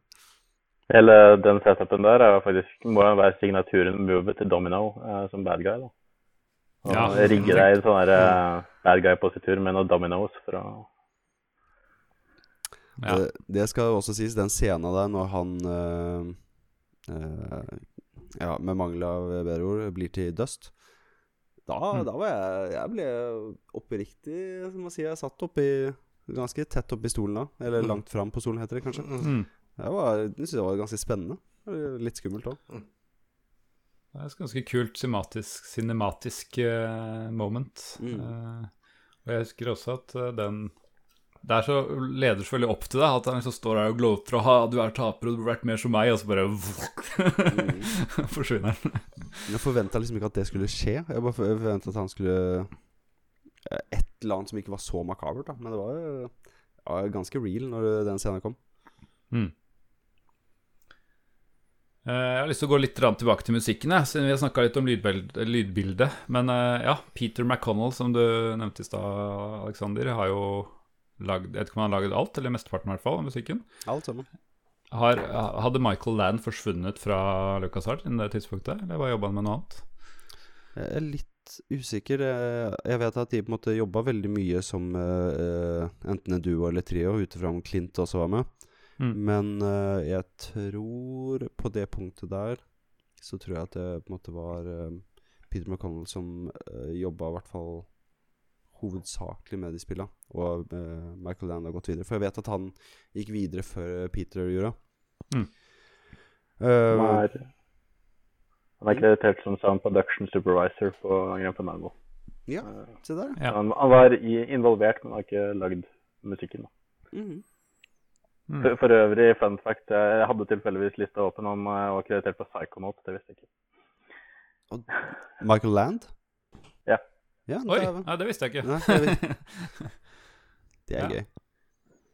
Performed, ba performed bass, faktisk. Han spilte bass på ja, Ja, det er gøy. Mm. Men jo, eh, musikken i spillet, det, det jeg merker veldig, er at i Rubakava, altså i år to, føler jeg at de har lagt mest arbeid i musikken. Enig. For det er, det er på en måte Det er så sinnssykt mye forskjellig musikk, og det er så mye dybde i det som på en måte beskriver alt som skjer rundt deg. Så syns jeg bare de jeg, jeg er så sucker for den uh, måten han skriver musikk på, for det er så kult. Og det, var, det er jo også en stor grunn til at jeg spiller uh, remasteren for det meste. Det er jo at alt er liveinnspilt. Uansett om han fikk det til å låte sinnssykt bra på originalen med det han hadde, for alt er jo midi, så er uh, jeg, jeg er en søker. Jeg må på en måte, når jeg kan få uh, crispere og mer, på en måte, ha mer innlevelse i musikken, så velger jeg det. Tror ikke det var Midi i 1998, uten at jeg Vet du det, Einar Johan? Nei, det er pre-recorded, men det var noe lavere kvalitet enn det du har på det nye, og antageligvis uh, Ja. En litt annen produksjonsverdi i studio enn det de gjorde på re-recordinga. Uh, oh, så det er live-recorda? Det eh, ja. Uh, eh, eh, eller det er spilt inn med uh, I hvert fall Det er digitale lydfiler. Uh, iMuse Digital, det som brukes. Ja. ja. det er, vet Ja, du, det er nok- Jeg trodde ikke jeg skulle lære noe nytt om musikk i dag. Det liker jeg veldig godt. For Ja, jeg bra, vil- det det bare å notere. Jeg vil være med her mer nå. Bra. Ja, nei, det er konge. Ehm, jeg vet ikke Jeg har litt lyst til å liksom snakke litt mer om denne musikken her, for jeg føler det er så variert. Altså I Year One, som du sier, så er det jo Der er det folkemusikk i gatene. eh, og der, de feirer jo, det er festivaler og sånn. Og i Year 2, som du sier, er det veldig mye forskjellig, og som er bra, siden man er så lenge i Rebakava. Um, og så husker jeg ikke om det er så mye i Year 3. Der føler jeg det er eh, det, er ikke, det er ikke musikken som er minneverdig der, i hvert fall, for, for min, mitt vedkommende. Men eh, i hvert fall er det veldig variert, og imponerende at det bare er én komponist som har stått for eh, alt dette. Når det er så mange forskjellige sjangere òg, med ja, alt fra folkemusikk til jazz. Mm. Nei, det syns jeg er kult at de på en måte De får den der eh, nesten den mariachi-stilen i starten. For, eh, for å på en måte virkelig dra fram at det er basert på meksikansk kultur. Og så mot slutten så er det jo mer fokus på fløyte for å få fram at de er i sånn Aztec-stil på det. Mm. Og i midten der har du den der kasino, gode kasinostemninga som bare du, du får jo skikkelig den der, nesten sånn James Bond-følelse. At det er ja. Du er nesten i sånn evil lair, og så er det sånn eh, ganske high class stemning.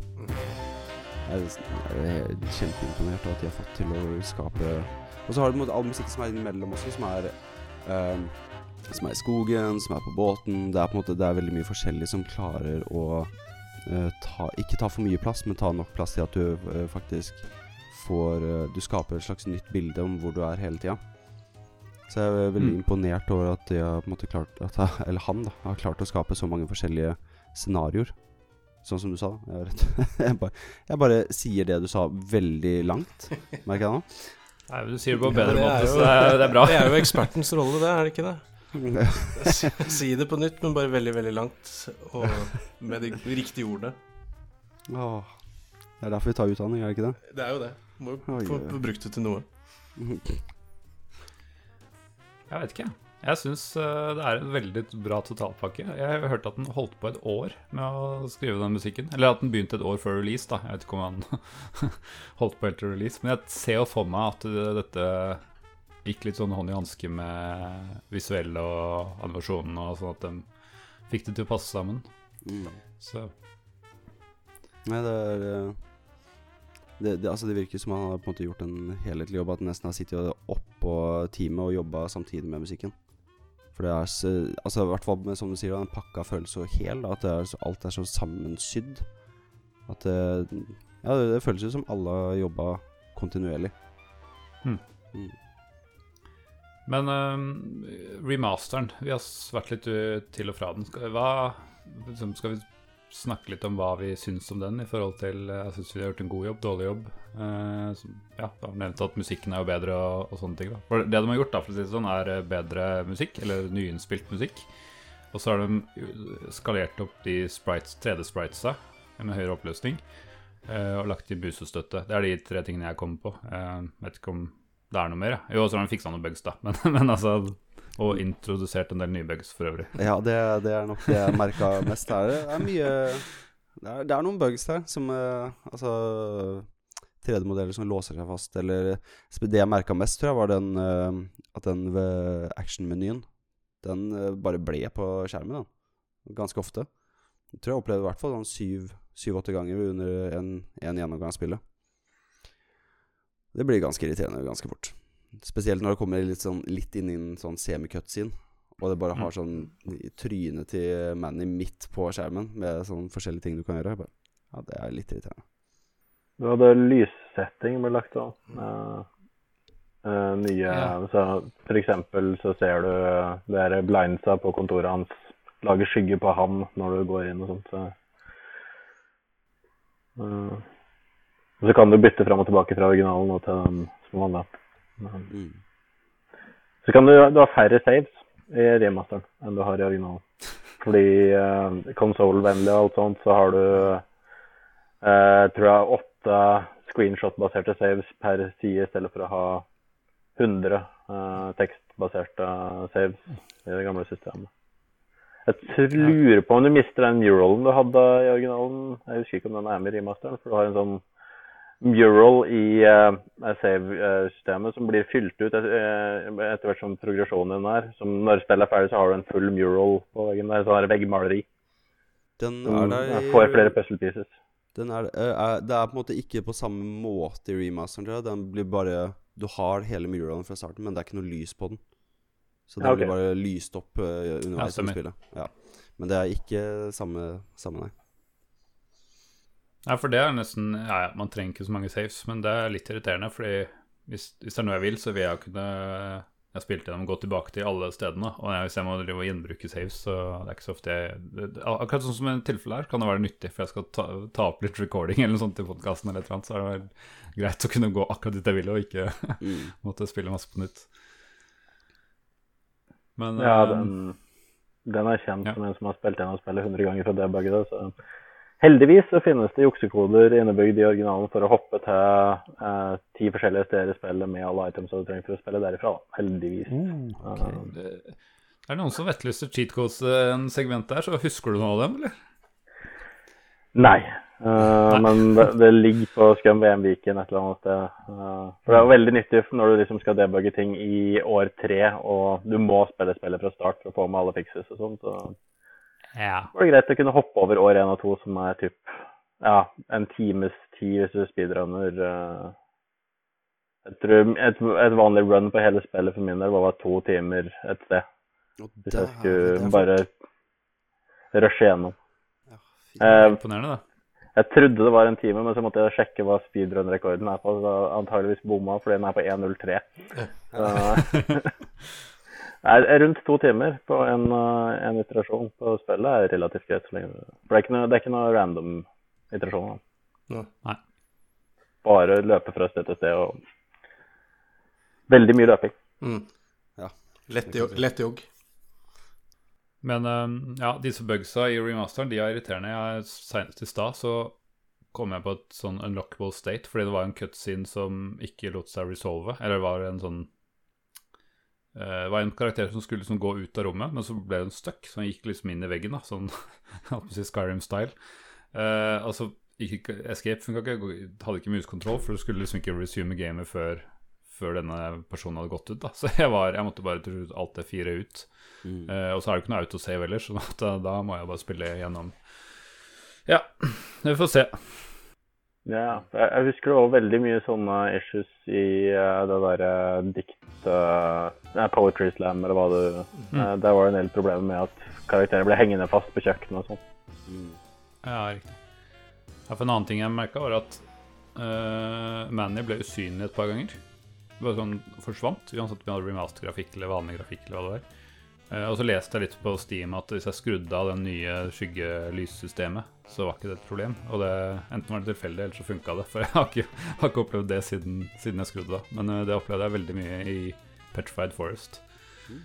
Så ja, det var eh, det, Sånne ting er litt irriterende. Men det er klart at det kan jo ha vært ting som har skjedd etter at det kom i 2015, var det vel. Så at det har kommet litt ny hardware og nye Nvidia engines og diverse, det kan jo selvfølgelig ha gjort at de gidder jo ikke supporte dette spillet lenger. Så det kan ha med sånne ting å gjøre.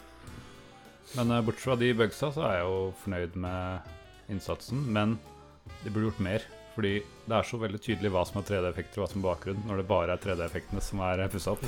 Ja, det, de stikker veldig ut. Spesielt ettersom de har en del bakgrunnsvideoer som skal liksom være Spesielt på denne kafeen til Olivia, hvor de sitter eller jazz, ja, hvor de sitter bak, da, og så skal det liksom være folk som snakker sammen. Og så ser, er det så utrolig low res, så du ser det ikke er 3D-figurer. Så det er et par av de stedene som, eh, som jeg merker at ah, kunne ikke bare gjort enda bedre innsats på, på det her.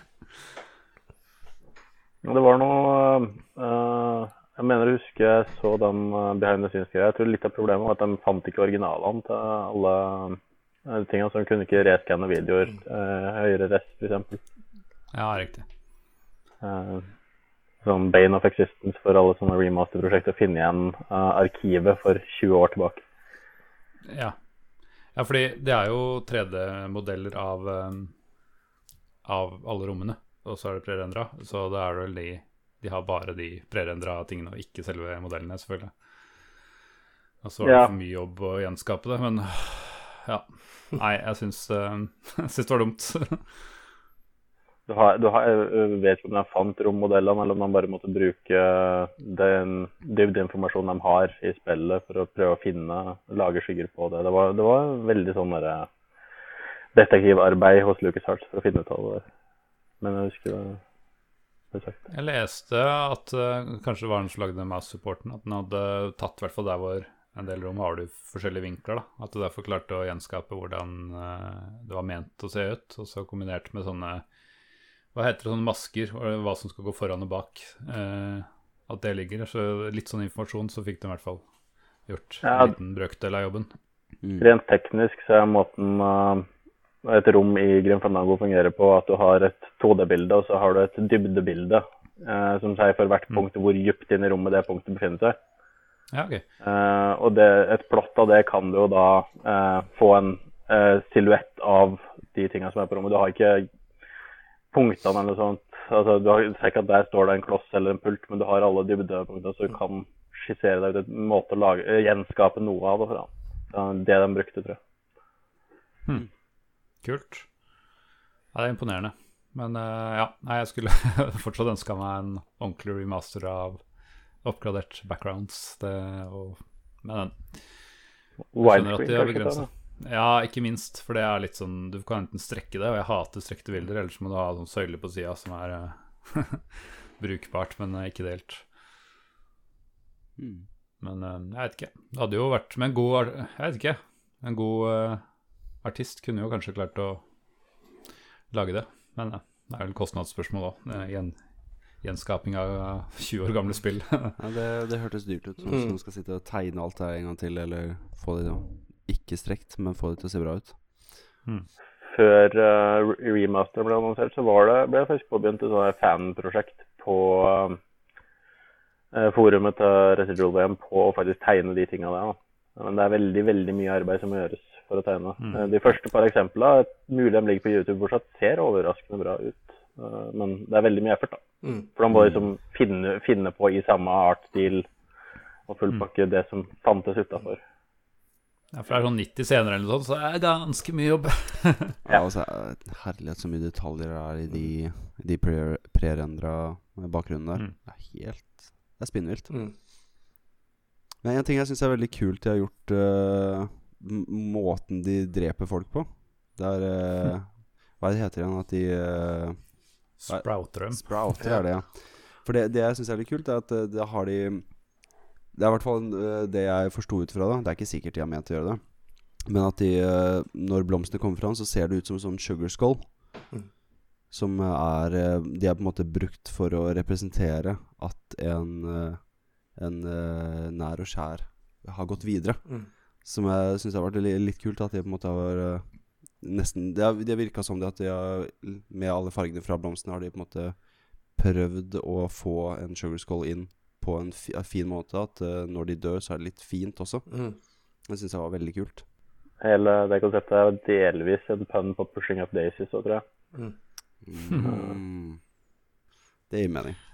Ja, jeg syns det er sånn fin ironi, ja, med liksom noe vakkert og fint som blomster uh, i, i dødes land, og så er det liksom Det skal du være redd for, liksom. Ja.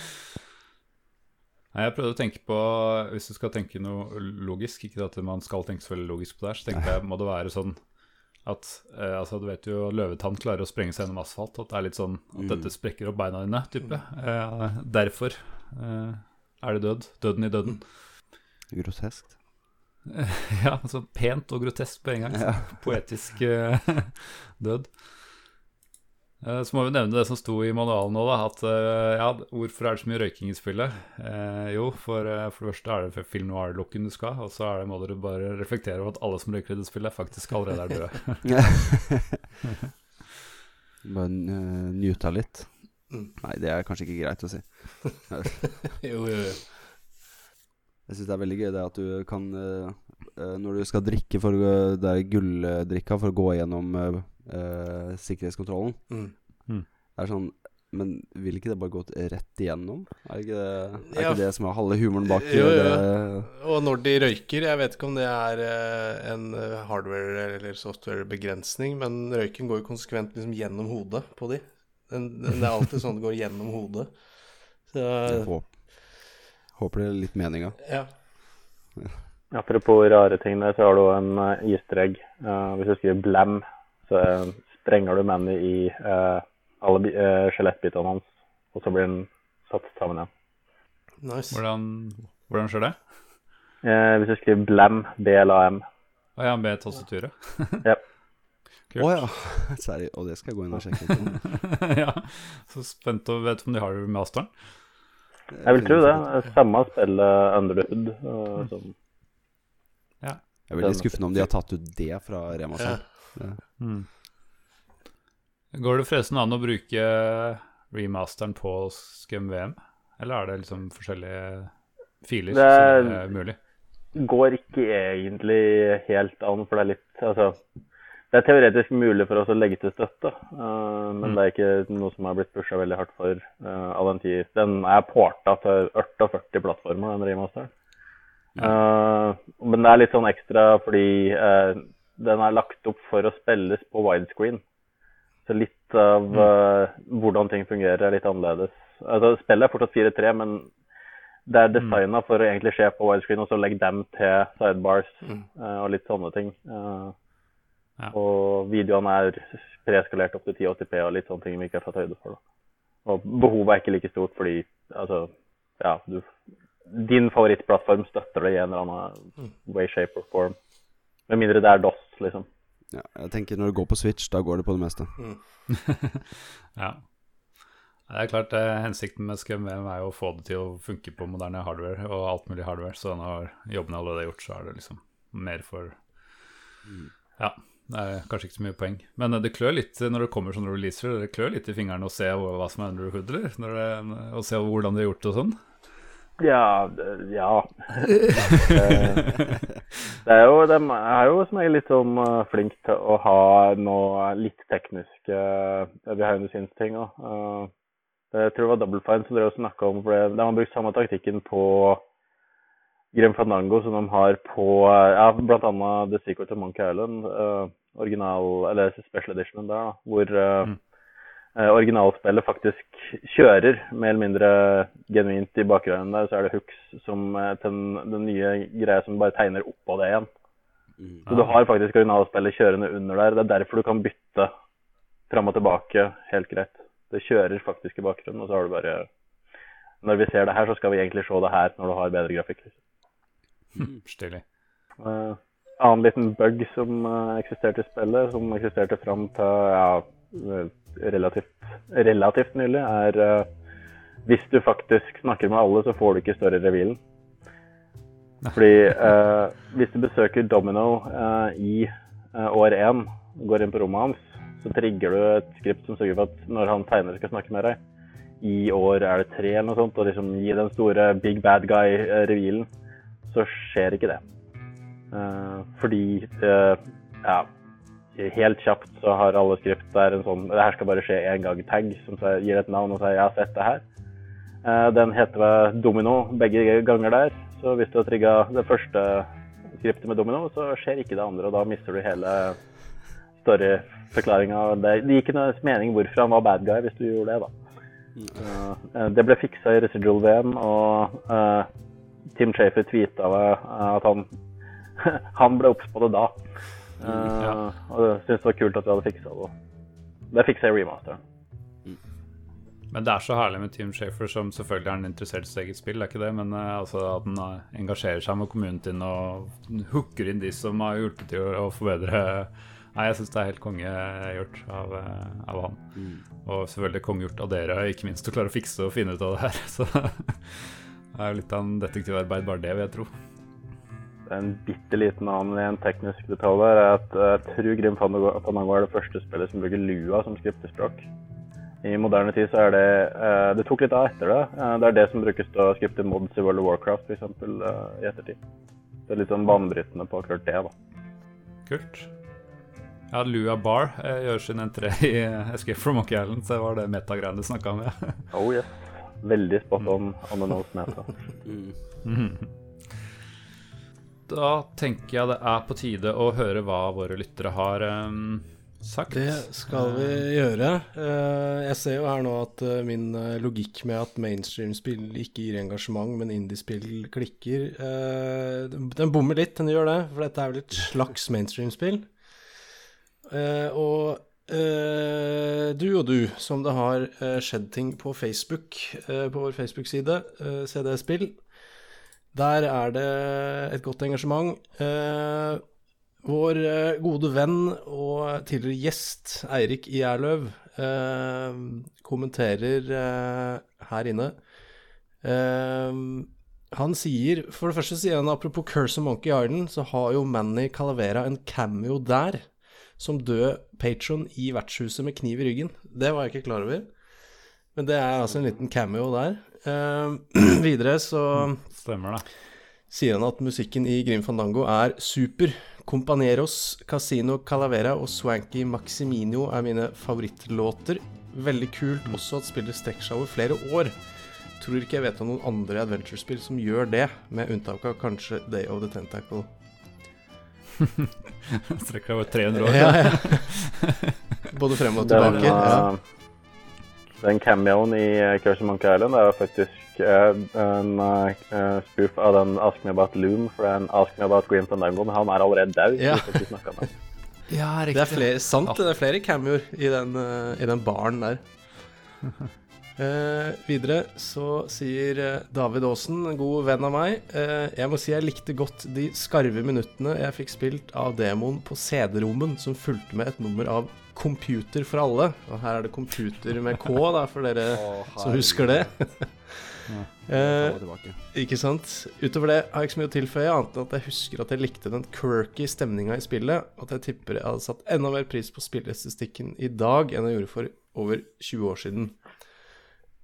Uh, Willy Larsen gjør det enkelt. Fantastisk spill! Utropstegn. Ak Aksel eh, M. Bjerke sier det absolutt beste LucasArts Arts eventyrspillet i min bok. Dessverre uh, var det ikke point and click, så her er vi vel litt uenige, kanskje. Men en merkelig tank control lagd for å navigere i en 3D-verden. Men når man overkom det, så åpnet det seg en utrolig rik historie og fargerik verden, inspirert av meksikansk kultur, med en herlig film noir og jazzy stemning som fortsatt vibrerer i sjela. Kjærlighet, drama, korrupsjon, gambling og marxisme, men mest av alt stil og dyp, dyp ambiance. Utrolig deilig. Eh, Espen Samuelsen sier dette er nok mitt favorittspill gjennom tidene. Historien, humoren, settingen, musikken og figurene suger deg inn i et fantastisk eventyr. Og Olav Øyan sier eh, eneste spillet jeg har kjøpt hele fire ganger. Først med stor giga PC-eske, så med DVD PC-boks, så på Xbox og til slutt på Switch. Har mange feil, men herregud så mye de gjør rett. Humor, episk historiefortelling, nydelig art deco-verden, og ikke minst Manny Calavera. Spillverdens svar på George Costanza med bedre moral. Eh, første Det var, det var ny. Ja, den, den likte jeg. Den, var, den må jeg tenke litt på. Første utgave var forresten uten muspekerstøtte, Ikke bra i 97-98, men jeg ga faen. uh, Rune Trollnes Skog sier Curse of Monkey Island fra året før er en av mine all time favoritter, eh, så var gans ganske hypa på et nytt LucasArts-spill. Prøvde en demo av Grim Fandango når det kom, men, men, men her kommer også det, ja. Men grafikken og kontrollene var helt feil. Så det ble med noen få minutters spilletid. Har ikke rørt det siden, men folk påstår at det er bra, så får se om jeg plukker opp remasteren hvis den kommer på salg. Så det er, eh, det er kontroversielt, disse kontrollene, tydeligvis. Eh, og til slutt så sier eh, Kjetil Hartvigsen Kommer late to the party her, Kjetil. Jeg spilte aldri dette spillet når det kom, men jeg har fått det gratis av GOG. Må nok testes en dag. Og det kan vi nok være enige om at det må du, eh, Kjetil. Eh, det var Facebook-siden vår. Jeg sjekka på Twitter, det var bare én eh, kommentar der, men det var fra Audun Rodem, som har vært gjest her, var en av de første vi hadde med, fra gamer.no. Han skriver 'Den forbaska veiskiltpuzzlen i Petrified Forest'. Tror jeg fa tro, sto fast på den i flere måneder, og det har vi jo vært innom allerede. Det, det krevde, krevde litt å komme gjennom den. Um, ja, det var det. Det var litt koselig at dette noir-spillet fikk så mye oppmerksomhet. Jeg er ikke kjempeoverraska, men um, det hjelper å være litt sånn underdog. For salgsmessig så var det jo ikke akkurat noen stor uh, suksess. Så liten underdog der. Dessverre. Ja, det kan man jo si. Gøy at det har fått så mye oppmerksomhet nå. Ja, det syns jeg er vel fortjent. Altså, det, er, det blir jo Det er jo på sånn topp topplister av beste spill gjennom tiden og sånn. Mm. Sånn i nyere tid har det kommet på det. Så det er jo den eh, Er ikke det litt typisk den noir-sjangeren, da? Det er litt sånn Går litt under radaren, og så er det egentlig knallgodt. Det blir sånn cult classic. Nettopp. Men uh, det som kanskje er fordelen der, er at han kom akkurat på rett tidspunkt 3D-messig, som for at den skal være spiselig til en viss grad i dag uten remaster. Eh, eh, Fordi du er fortsatt er 2,5D, du har ikke gjort veldig mye 3D før det var for tidlig. Mm. Uh, jeg prøvde å plukke opp Morrowind fra cirka da, og det er helt horribelt. Fordi da har du begynt med full 3D, men egentlig du har ikke Alt ser ut som smørje. Men 2,5D så er det liksom fortsatt Det er kanskje litt det, det er sånn helt på tampen av det folk regner som klassikere, før du kommer over baugen i 3D-verdenen igjen. da. Det er en av de, en av de last greats Mm. der. Ja, hva var det det var igjen? Eh, Kings Quest 8 eller noe? Det, er når det gikk over til 3D. Det var jo Det var virkelig den søppeltida til 3D. Det var Skal ikke snakke om det nå, men fytti for et dårlig spill. Ja, jeg tror det var gode poeng der, altså. Men uh, uansett, det ble Det var nok en av grunnene til at uh, Lucas har slutta med eventyrspill. Fordi dette så dårlig. Og Escape for Monkey Island som kom senere, var jo ikke noe stort høydepunkt, det heller. Så det var decline. Eh, det er ikke sikkert det hadde eh, holdt seg hvis de hadde holdt seg i 2D-land heller. Det tror jeg nok ikke. Men eh, ja, det var, var på en måte starten på slutten, da, dessverre. Vi kan vel kanskje være enige om at det er det siste gode eventyrspillet til Lucas Hartz. Får eventuelt Escape from Monkey Island-fans krangle litt med meg. De, de to. mm, begge to kan kommentere på Twitter. Synt. Det er ikke så verst hvis du tar det for det det er, det, da. Sånn in all fairness. Men hvis det ikke hadde hett hett Monkey Island, så hadde det vært et helt OK spill. Men det slår ikke uh, Grim Fandango. Det gjør det ikke. Nei, nei. nei, så er vi enige. Da var det end of the line for, eh, for, for uh, eventyrspillsjangeren fra Lucas Hertz uh, her, da. Mm. Men la oss ta en liten runde rundt her, da. Har det holdt seg? Har det vært å spille i dag? Eh, Jeg syns jo det på en måte Måten de eh, forteller en historie på, med bra musikk, eh, bra utvikling, eh, fantastiske karakterer, mange forskjellige karakterer, eh, og eh, Altså, bare utviklinga av historien, hvordan de på en måte går fra sted til sted, og det går over flere år, du føler at du blir kjent med karakterene. Og nå skal ikke jeg spoile det, men slutten i seg selv gjør spillet verdt det for min del. Så ja, jeg syns det har holdt seg. Det er litt kjipe Altså, det tar litt lang tid å gå fra sted til sted og løpe rundt i, på, i områder, men om du eh, overlever det, så er dette et fantastisk spill du burde spille. Ja, det er ikke så veldig mye mer uh, å si der. Det er definitivt en uh, Av, retrospillene så er det nok uh, en av de mer tilgjengelige, i hvert fall I hvert fall kanskje på konsoll, hvis du ikke skal bruke po- point and click, fordi point and click kan ha sine entry levels òg, men eh, de tank controllene gir faktisk mer mening på kontroll. Eh, så er det eh, relativt nok det mest tilgjengelige eh, og mm, historiemessig kanskje minst nerdete. Altså lettest å få Det er rart ikke har hatt en bredere appell, egentlig, sånn sett. For det er, ikke, det er en seriøs uh, noir-historie med humortilsnitt, liksom.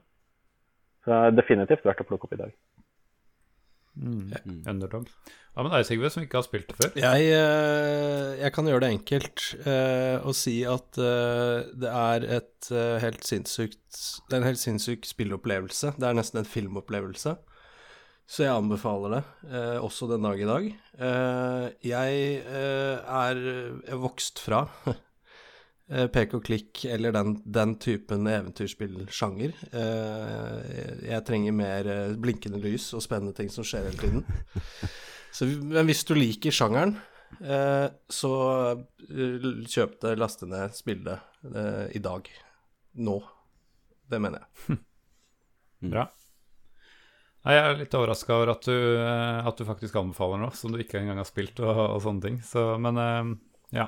Jeg må jo si at jeg syns det er et helt uh, fantastisk spill på veldig mange måter. Og jeg er jo Jeg syns jo at Lucas uh, Arts ble flinkere og flinkere, så du kan på en måte si at det var en ganske god progresjon. Jeg har gode minner og følelser om tidligere spill, ja, altså. men eh, jeg ser jo at de, de utvikler seg og får til noe bedre. Og dette, som sagt, eh, er etter min mening det siste gode spillet de ga ut.